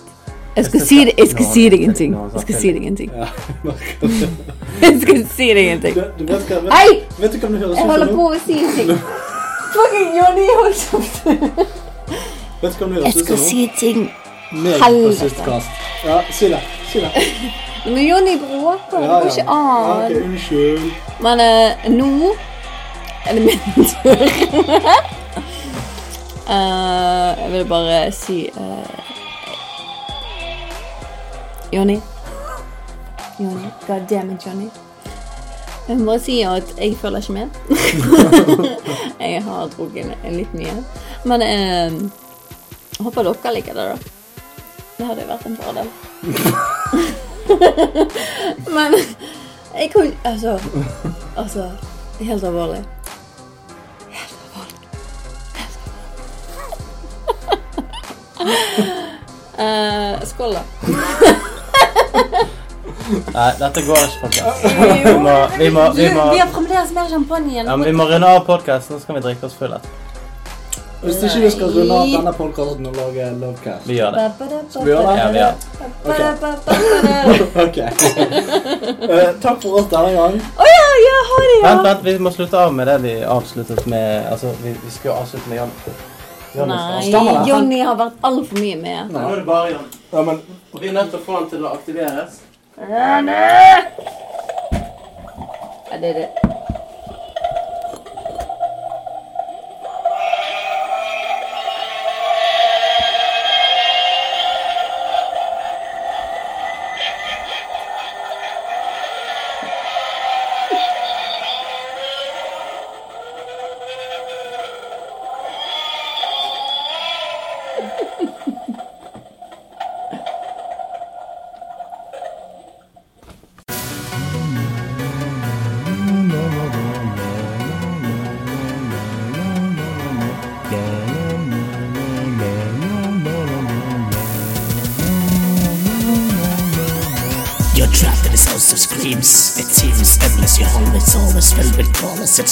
down more than two narrow staircases. His house is built like a thousand mazes. Use of flashes of faces, children in corners and fireplaces. There's no way to escape this. You have the young baby, you hear it, may need help, maybe.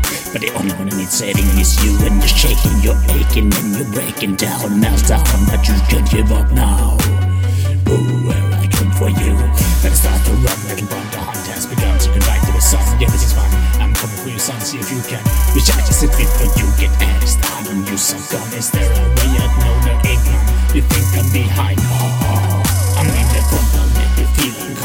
hands on Monday. Show no emotion, except for annual laughter. It's in the ocean. Can you hear the ocean? That is just my power. Applause together, let's motion. Welcome to Red.